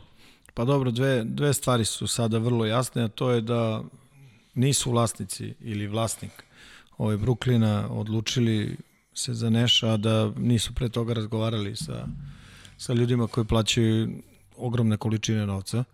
A verovatno je tu i postojala neka vrsta preporuke od Durenta. I druga stvar, ono što je samo jasno je da uzeli su trenera koji uh, veruju da može da Irvingu pomogne da, da postane ovaj, lider i igrač koji može dovede do renesanse tog, tog tima. Znači, te stvari su sad potpuno jasne. Bilo je, recimo, bilo je mnogo priča oko toga da li, ovaj, da li sad u ova sva događa, događanja u Americi i tako dalje, tako dalje. Eto, sad opet je preskočen neki crni da. trener i tako da. dalje. Nema pojma zašto se to povlači. Mislim da, da ovaj, nije, nije Steve Nash no name. Apsolutno nije Absolutno no name. Ne. I mislim da postoji način na koji će se veže za ta dva najvažnija igrača u svom timu i da će to doneti ovaj, samo benefit za Brooklyn. E, dobro. Znači, pretražili smo većinu tema koje smo i spremili za, za ovu epizodu. Mm -hmm. Ostalo da najavimo gosta. Da. Pomenuli smo ovu seriju, pomenuli smo dakle Boston Miami koja će biti zaista sjajna serija za, za gledanje. E, pričali smo o tome koliko je Miami šuterski napredovo, posle Jute drugi najbolji trojkaški tim e, u regularnom delu zone 38, nešto posto šuta za 3 poena, individualni napredak brojnih igrača u šutu za 3 poena. E, Hoće ti da predstaviš naše gosta iz ne. člana stručnog štaba eh, Erika Spolstra i Miami Hita i da kažeš neku reč više. Eh, vrlo specifičan gost i popričali smo o vrlo interesantnim temama ne. sa njim. Pa Rob Fodor je, ove, je čovjek koji je zvanično, eto, ovaj, zadnjih nekoliko godina član štaba ovaj, Miami Hita, odnosno deo stručnog štaba Erika Spostre. Međutim, vrlo dugo je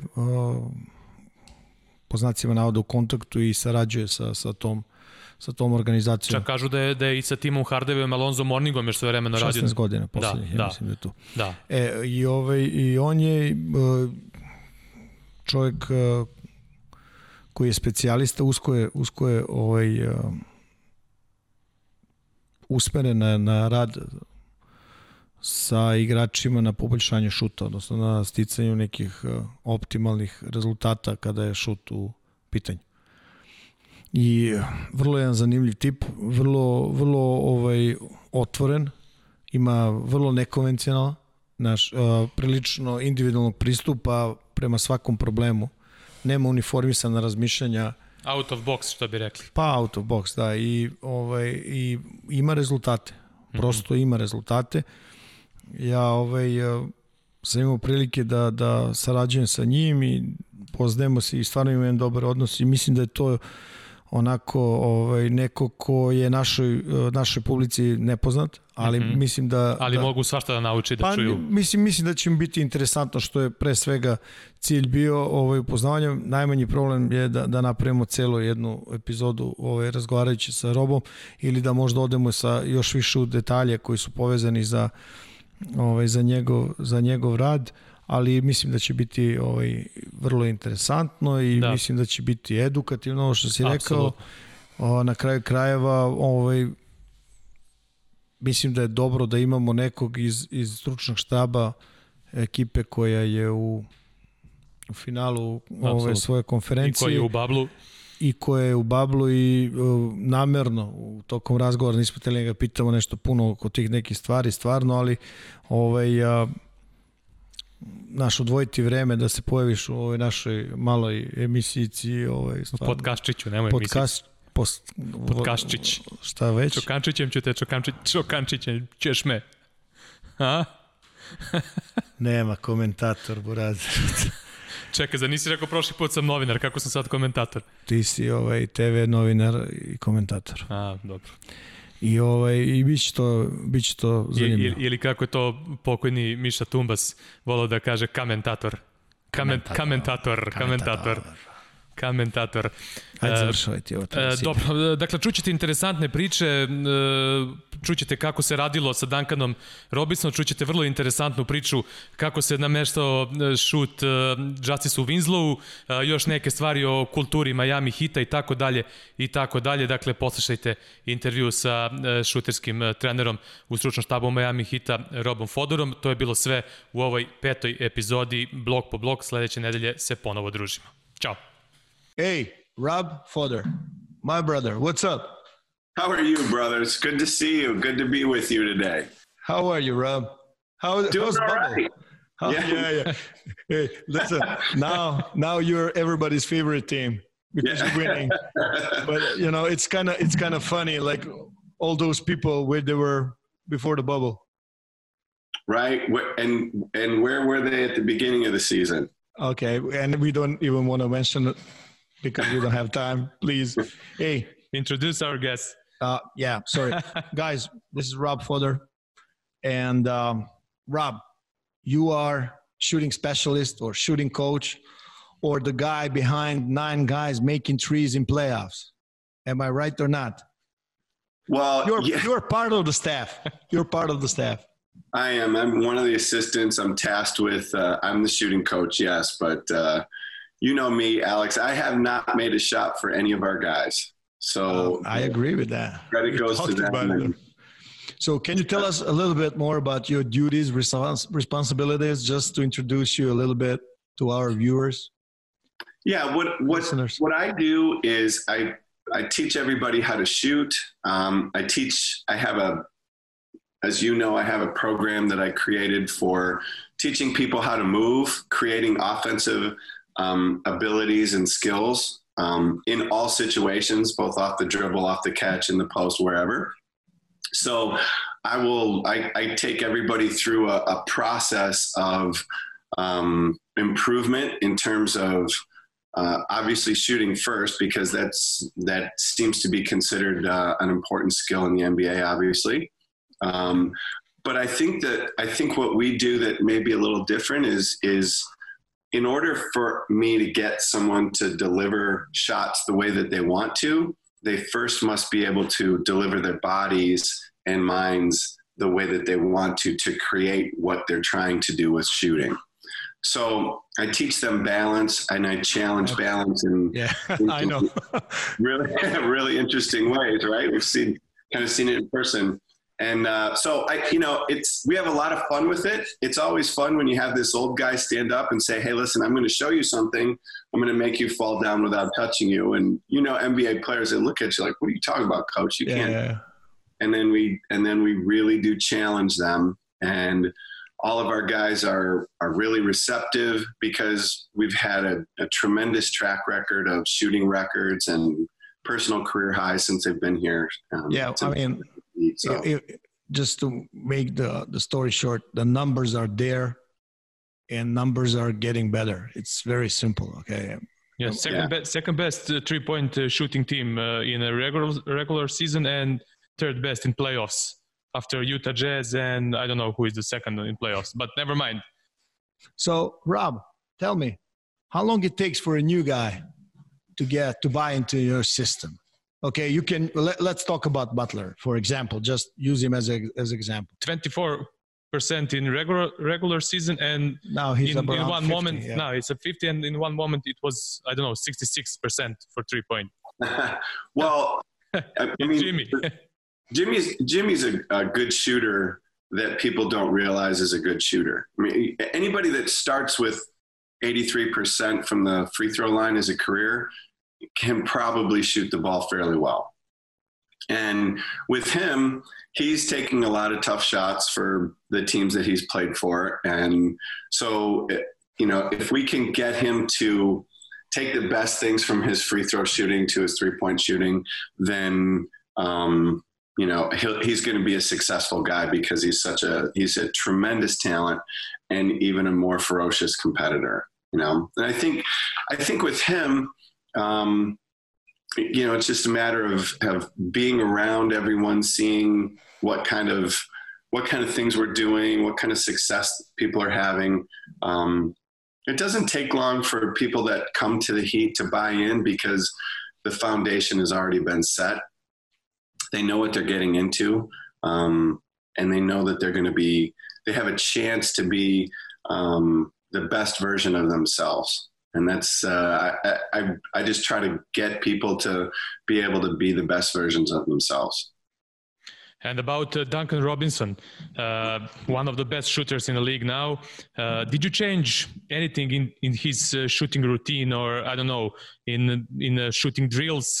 Because re- we remember him from Michigan, he was much more spot up shooter. Now we, ha- we see him in dribble handoffs, shooting after dribble handoffs, after handoffs come yeah. screens, yeah, all that. Yeah, but you know, it, it's funny because Duncan, obviously, Duncan had some credentials as a as a shooter, but Alex, as you know, um, being a good college shooter doesn't it doesn't necessarily, necessarily translate. Yeah. yeah. yeah, this is like playing on the moon for people when they get to when they get to the NBA. It's like, what the heck's going on? If, so different, Duncan, different speed, NBA, different speed.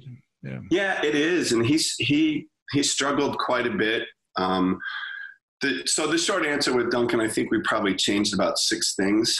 Um, mm-hmm. You have to be very specific and and uh, make sure we get. That's that's one thing that I try to do is make sure I get the right thing for that guy, and then um, we had to work on his competitiveness um, in terms of uh, um, the playing of an NBA game. You know, so mm-hmm. the first thing that was important for him is he had to be much more efficient with his shot, how he loaded his hands, the lines that the ball travels, the connection, and how fast the ball got, you know, got out of his hands. Then he had to learn to play at 100% of his absolute full speed because there's as you know there's a there's a few different kinds of shooters in the NBA there's guys that are going to have time because they're either a not respected uh, as shooters or B, just simple floor spacers and waiting for the, the guys that create. And then there are sprint, catch, and shoot guys. And those guys are incredibly valuable because they put so much pressure on the defense. If you think yeah. about the, the JJ Redicks and you go back in the Reggie Millers and Ray Allen was the same and, and Marco Belinelli and, and now yeah, Korver, guys like that. Yeah. Corver. Yeah. Corver's a great example as well. And, and Duncan is now, really, really scary for the defense. So, you know, he's become a primary part of the game plan against us, and he's got to be able to make reads uh, at absolute full speed and be able to start and stop and change directions and shoot never slowing down. And that was a big that was a big process for him you know i think um are you satisfied with improvements? Say that again? Are you satisfied with his improvement Absolutely. So far, so far. Yeah, I mean, it, it's it, it, the truth of it is, Duncan spent some time up with us last year uh, in in the preseason this year, and he shot 28% from the three point line. Yeah. So we had a we've had a couple of different breakthrough days with Duncan. Everybody does. Uh, it's almost like they're you know they're imprinted in my memory. Um, I can tell you what happened with uh, each guy, but um, there were two big days for Duncan. One was we went to a, a G League game of his last year in New York, and it was a very competitive game. Um, our our G League team had somebody called up on a 10 day contract in layup line, so they lost one of their best players. They were playing with seven guys, and Duncan's obviously got to shoot for him. So, but there were a couple of loose balls that had a chance to decide the game, and he did not get on the floor for him. So the next time I had him was in Sacramento. So I created a drill for him where he was going to learn how to dive on the floor, be competitive, and then go up and get a shot. So I would roll the ball in different places, and he had to dive on it, slap it to me, and absolute full sprint to some place, and and I'd, I'd put the ball on him we'd have him check in off the literally in warm-ups we'd have him go sit down on the bench walk to the scores table come in stand in the corner and sprint full speed to the top. He'd get one shot. If it didn't go in we'd sub him out. He'd have to go sit down again. So and then the next breakthrough came the first regular season game versus memphis. We had a um, we had a good game and duncan actually played well but he was one for eight from three point line so I had to get him out of his way because he he's a very thoughtful, analytical guy. So I had to speed him up. I had to speed up his release. So we we do a drill we call catch high, keep high. So I would throw the ball forehead high, and he had to catch it and shoot it like he would in an NBA game. Yeah. And now he has one of the quickest releases, and people try to close him out from six feet away, and just cannot believe that he's shooting it. Yeah, um, top ten right. quickest releases probably top 10, maybe even top yeah. five. Yeah, and, and it's cleared his mind, you know, because uh, once you understand, once your mind's clear that, that this is a good shot, then you take them. And, uh, you know, now in the playoffs, you got to build up and kind of realize that you're on another level and the, the responsibilities are the same. So you grow into him, and uh, he's been tremendous. He's a he's a terrific kid, and and arguably our hardest worker on a team of incredibly hard workers. And tell me, Rob, satisfying three point percentage. So we are talking about footwork, we're talking about mechanics, we're talking about uh, be ready to shoot. But also, you know, there's another dimension, and I want you to say something about it. That's a shot selection. Yes, um, that, that's that's part of my question. The second one is obviously the relationship between Spoelstra and you is working because I mean he you are part of the staff responsible for very important thing in your game. So can you tell us a little bit more about it? Sure. I think um, shot selection nowadays. Um, I think um, people get kind of caught up in in what a great shot is. You know, the old school guys. I, will I'll stand behind the um, um, the VP and president's box sometimes during the game and listen to the old school guys watch the game, and I'm I'm right behind them. And you know, the thought is we'll come down in transition and kick it wide, and, and Tyler, Duncan, Goran, somebody's wide open, and they put up a three and you hear, you know, the thought process, you hear the guy say, oh, you can get that shot anytime.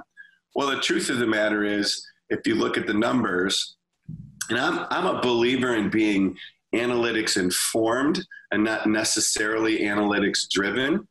So, um, but the, the information tells you in the first six seconds of the shot clock is the highest percentage of shots uh, made. Now, granted, you have some transition layups and fast breaks and such, but you know, you know, the issue is that people aren't matched up because you have transition defense and you got a you, you have a scramble situation. So if you're open, you, you need to shoot it.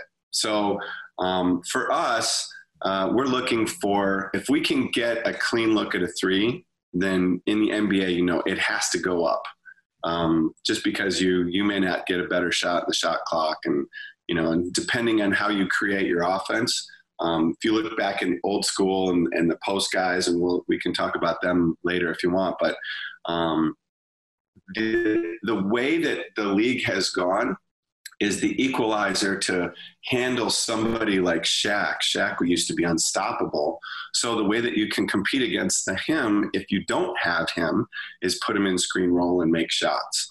So the challenge becomes it becomes that chess match of how are you going to win a game, and you know you have if you can turn people into great shooters, you have a chance to beat people. So um, you know, and and what I did, kind of my path to here, is I created this program of how to develop shooters and movement.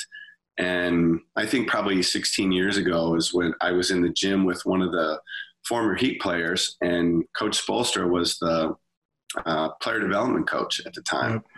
And he had heard I guess I, the the player I'm talking about is Mike James, and uh, Mike and I had played together because I was still I was still going to go back overseas and play um, at age 42, which was kind of fun. But I started working with Mike in the summertime, and uh, we went into the arena, and I guess he had a you know he had a lot of fun and had a really good session with me, and was telling the coaches about it. So the next weekend, we came back into the arena and truth of it is, Eric, he told the story at my 50th birthday. He came upstairs and said he came into the gym to basically throw me out of the gym.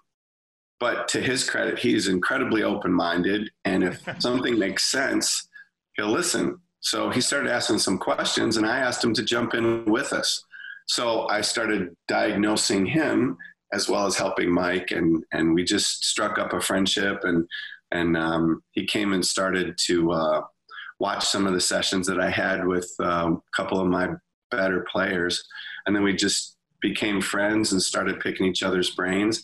And I would just try to give everything that I could to him to help. You know, I wanted to help him, help the team, and and uh, help the guys, and and eventually over time, helping different players um, just kind of evolved into uh, me being able to take over for some for some troublesome uh, issues that they had with players on the Heat. So here I am. Coach, do you have some interesting stories to share um, about I don't know changing shooting mechanics uh, to players or yeah, something like that? and then I will talk about Olynyk and our, and our discussion. well, we've had some um, we've had some real, really interesting success stories. You know, I think um, um, the the very first one. I mean, obviously there were some terrific stories before I came on staff, but uh, the first person I was tasked with um, was trying to help Justice Winslow. Uh, mm-hmm. Justice was the Heat's first round draft pick, and uh, I can't remember the years, probably 2015 or something. And Justice is a really good basketball player, but he struggled very, really, really badly with uh, shooting the three. And, and obviously, a perimeter guy, it's it's important that you can shoot now. So, um, so they brought me in, and and uh, the first day, and Justice is a little apprehensive, and and um, I told him, I said, Justice, I think this is going to be easier than you think. And I said, I, so I asked him, I said, so tell me about yourself. Have you played baseball? Have you done this? Have you done that? What games have you played? And I asked him if he'd ever thrown darts. He goes, oh yeah, I've thrown darts. I said, okay. So have you ever seen how a dart, um, a, a dart thrower stands when he goes to throw his darts? He goes, yeah. I go, show me. So he turned his shoulders open and he put his left foot ahead and he put his arm out there. I go, that's great. That's what we're going to do. He looked at me. I said, Justice, we're going to throw darts. So I, I put the ball in his hand and I opened up his shoulders. Um, the reason I do that is it's, it's a biomechanical, kinesiological reason. Alex, you and I have talked about it before, but that's how your body. So I opened up his shoulders and it, it allowed him to be able to get his elbow and, and shoulders in the right place so he could move his hand properly to be able to let the, let the ball go. So, so he stood there and he started throwing darts. And the very first day, um, the Heat, we film everything. So they had the video guy filming, and the coaches were having a conversation separately in the stands. And there's a, he's holding up the iPad, and I can hear him whispering over to the coaches, going, "Hey guys, are you seeing this?" Yeah. Justice had moved. That's that part I want to hear. Yeah, he went he went from the free throw line. We started just inside the free throw line throwing darts, and then I backed him up a little bit, and I backed him up a little bit more as he was building success. Next thing you know, he's standing there flat footed, shooting free throw line, basically free throw NBA three pointers. And I think it was on the eighth one in a row that everybody just uh, couldn't handle like how did this how's this happening so you know i said okay justice i mean there's going to be a little bit more to this obviously i'm really big on energy transfer and sequence so i explained it to him justice is an incredibly intelligent um, thoughtful guy in terms of what he wants to do on the court so i explained it to him and so he had some tremendous success that first day. We were out there for a couple hours and he was making shots and really starting to get excited. So we end the session and the coaches come over and and and um, the question was, so what what did you do? and I said, Just, why don't you tell him? And he said, We were throwing darts. So you can imagine the quizzical looks that I get when when people hear yeah. that. They're like, wait, what? So I explained it to the coaches why I was doing. I I always start with why. Um, so I explained to them why, and then the really interesting question after that, when Justice was gone, the rest of the coaches, this coach Spoke came over to me and he said, "Hey Rob, so why did you start there?" And I said, "I'll speak in in um, yeah, yeah. analogous terms sometimes." And I said, "Have you ever seen the movie Swordfish?" And it's a computer hacker movie, and mm-hmm. and Hugh Jackman is the is the computer oh, hacker. No, no, wait. It's right. They, it's they hold the gun to. it's so, Halle Berry man movie. yeah, right. It's it's hard not to love that movie too for her. But, but there's a scene in there when when he's yeah. sitting there and he's got to break the code. He's got to hack the code on the computer in one minute with a gun to his head and some other things. But so he goes through the whole process and he gets to the end and he turns the computer around and the code is broken and he says, they said, how did you do it?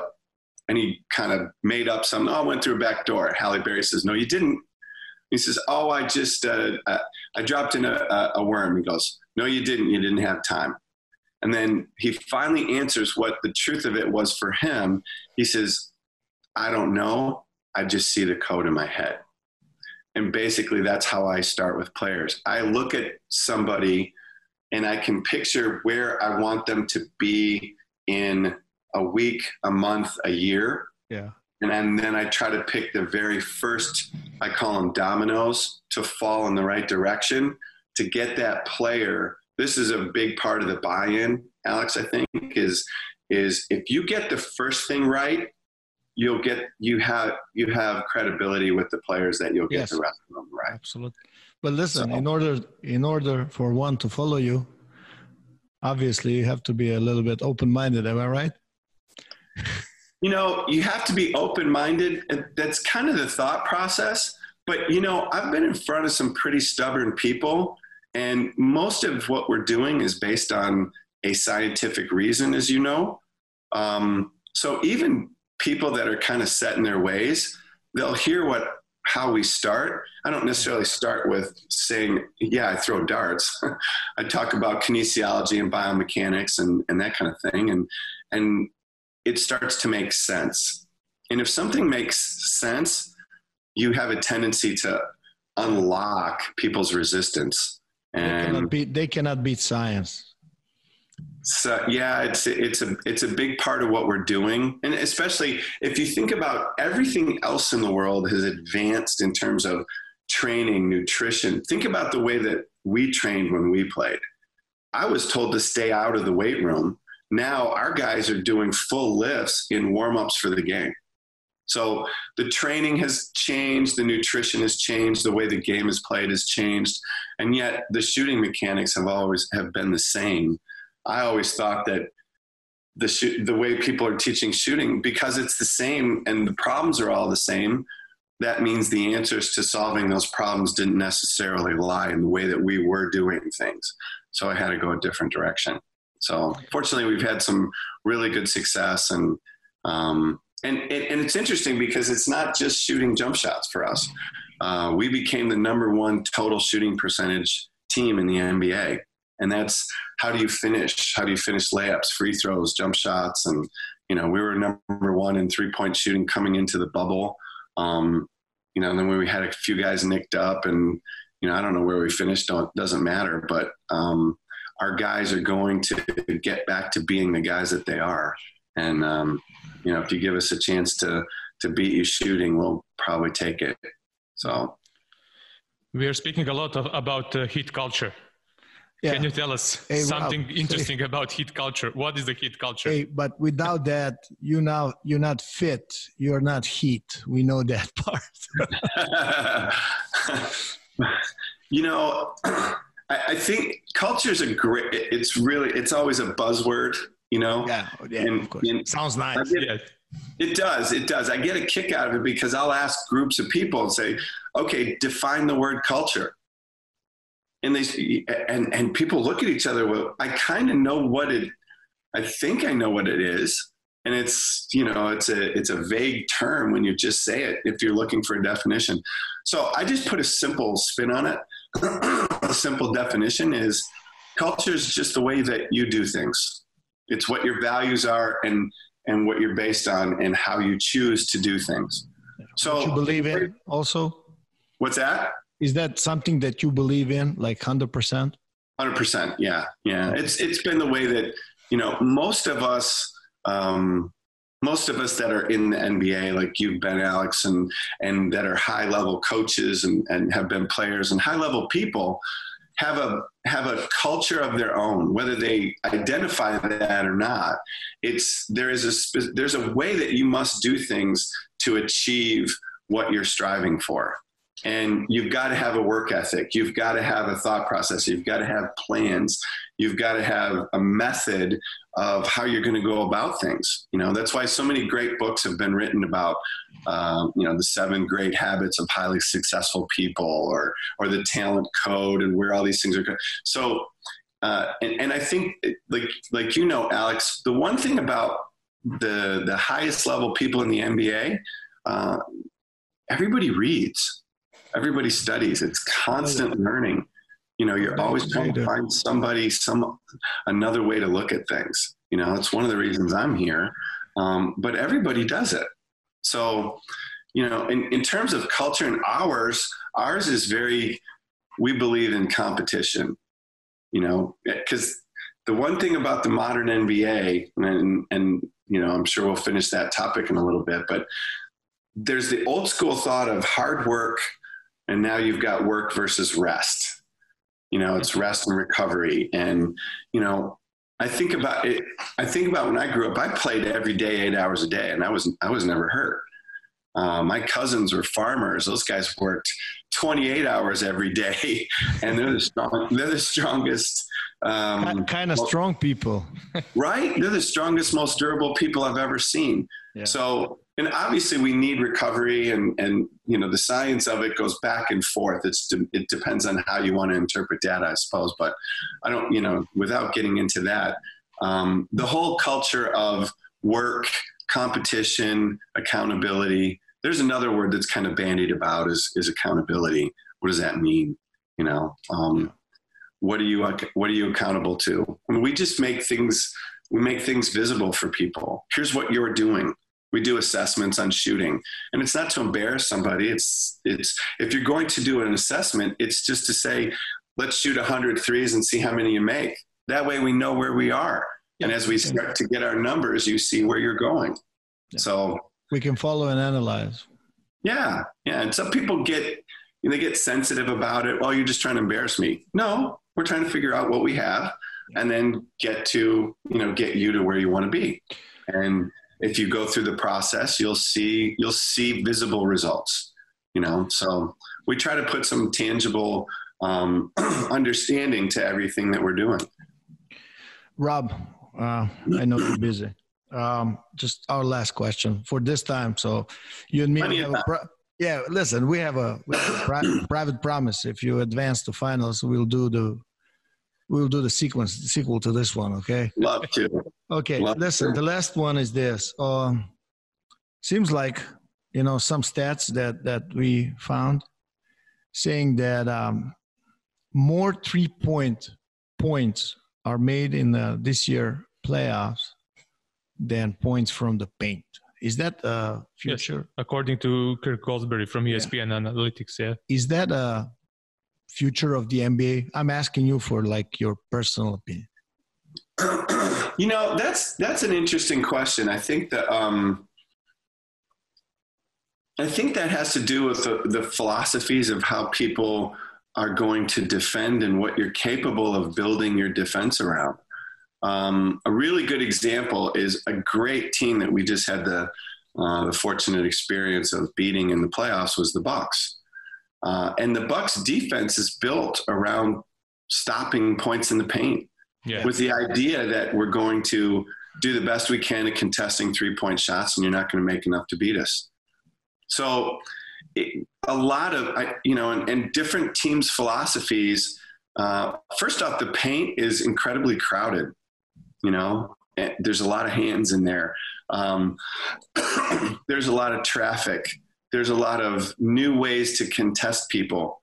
You know, you get. Um, it used to be the mismatch of the big versus the small, where you'd punch it into the post. But now, as you know, I mean, there's there's double teams and and guys will get underneath you and they're bringing blues and you know traps at different times, whether they wait for the ball to get on the ground or wait for a spin move or go on the catch or however catch, your yeah. rotations yeah. are going. So the shots that are available are from the three point line. So you're probably going to get more shots, and then of course.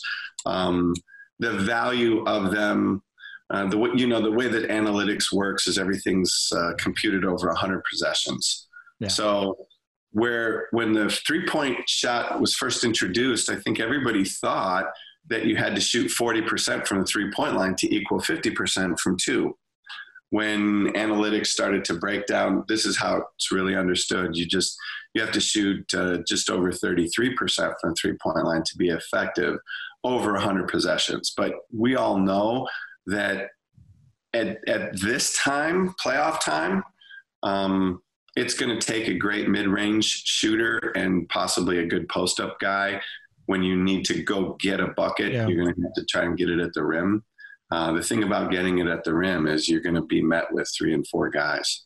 So it's uh, it's it's an interesting discussion, um, and I think the other part of it is the game's not taught that way anymore if you see uh, personal uh, basketball training has become an incredibly uh, busy business, and nobody's teaching post play. Number one, because it's incredibly difficult; they don't know how to do it.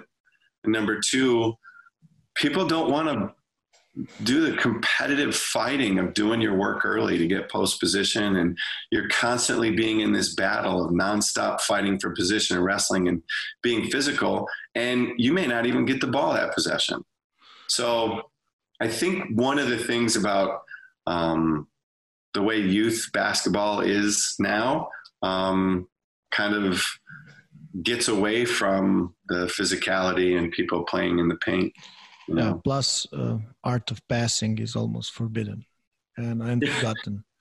Yeah, and I think that, like so if you now, nowadays, like if we are fighting, you know, you find open man, it's like wow, what a great pass. no, really. And back in the days, it was like, well, of course he's open. Of course you did. Yeah, and now now they they use the term extra pass. I said, yeah, the man is open and he's wide open so there is a good chance that that he will uh, have a high percentage shot. So why not? Well, and you know, it's funny. Great basketball is simple basketball done beautifully, right? So it, it, when you see the ball moving and it goes where it's supposed to go, it really it does look great. Sometimes you have to make a great play just to make a simple pass you know you have to be able to move it and get around hands and deflections and a trap and be able to put it on time on target to somebody who's being closed out by a great athlete so you know but the truth of the matter is the teams that are going to win especially here are going to do the simplest things yeah. the best but yeah. as they yeah as they said that's probably the highest form of basketball mm-hmm. whatever looks simple that means that's on the highest possible level yeah, I agree. I agree. Rob, thanks for your time. and good luck in the okay. rest of in yeah. the rest of the playoffs. It's it's my pleasure to be here, and and uh, I would I'll love to come talk to you guys anytime you want to have me. Okay. Hopefully, it'll be after the next series. Yeah, we'll remember that for sure. Thank, Thank you, Rob. Coach. Bye. Good luck. Thanks. Appreciate you guys. Bye. 呜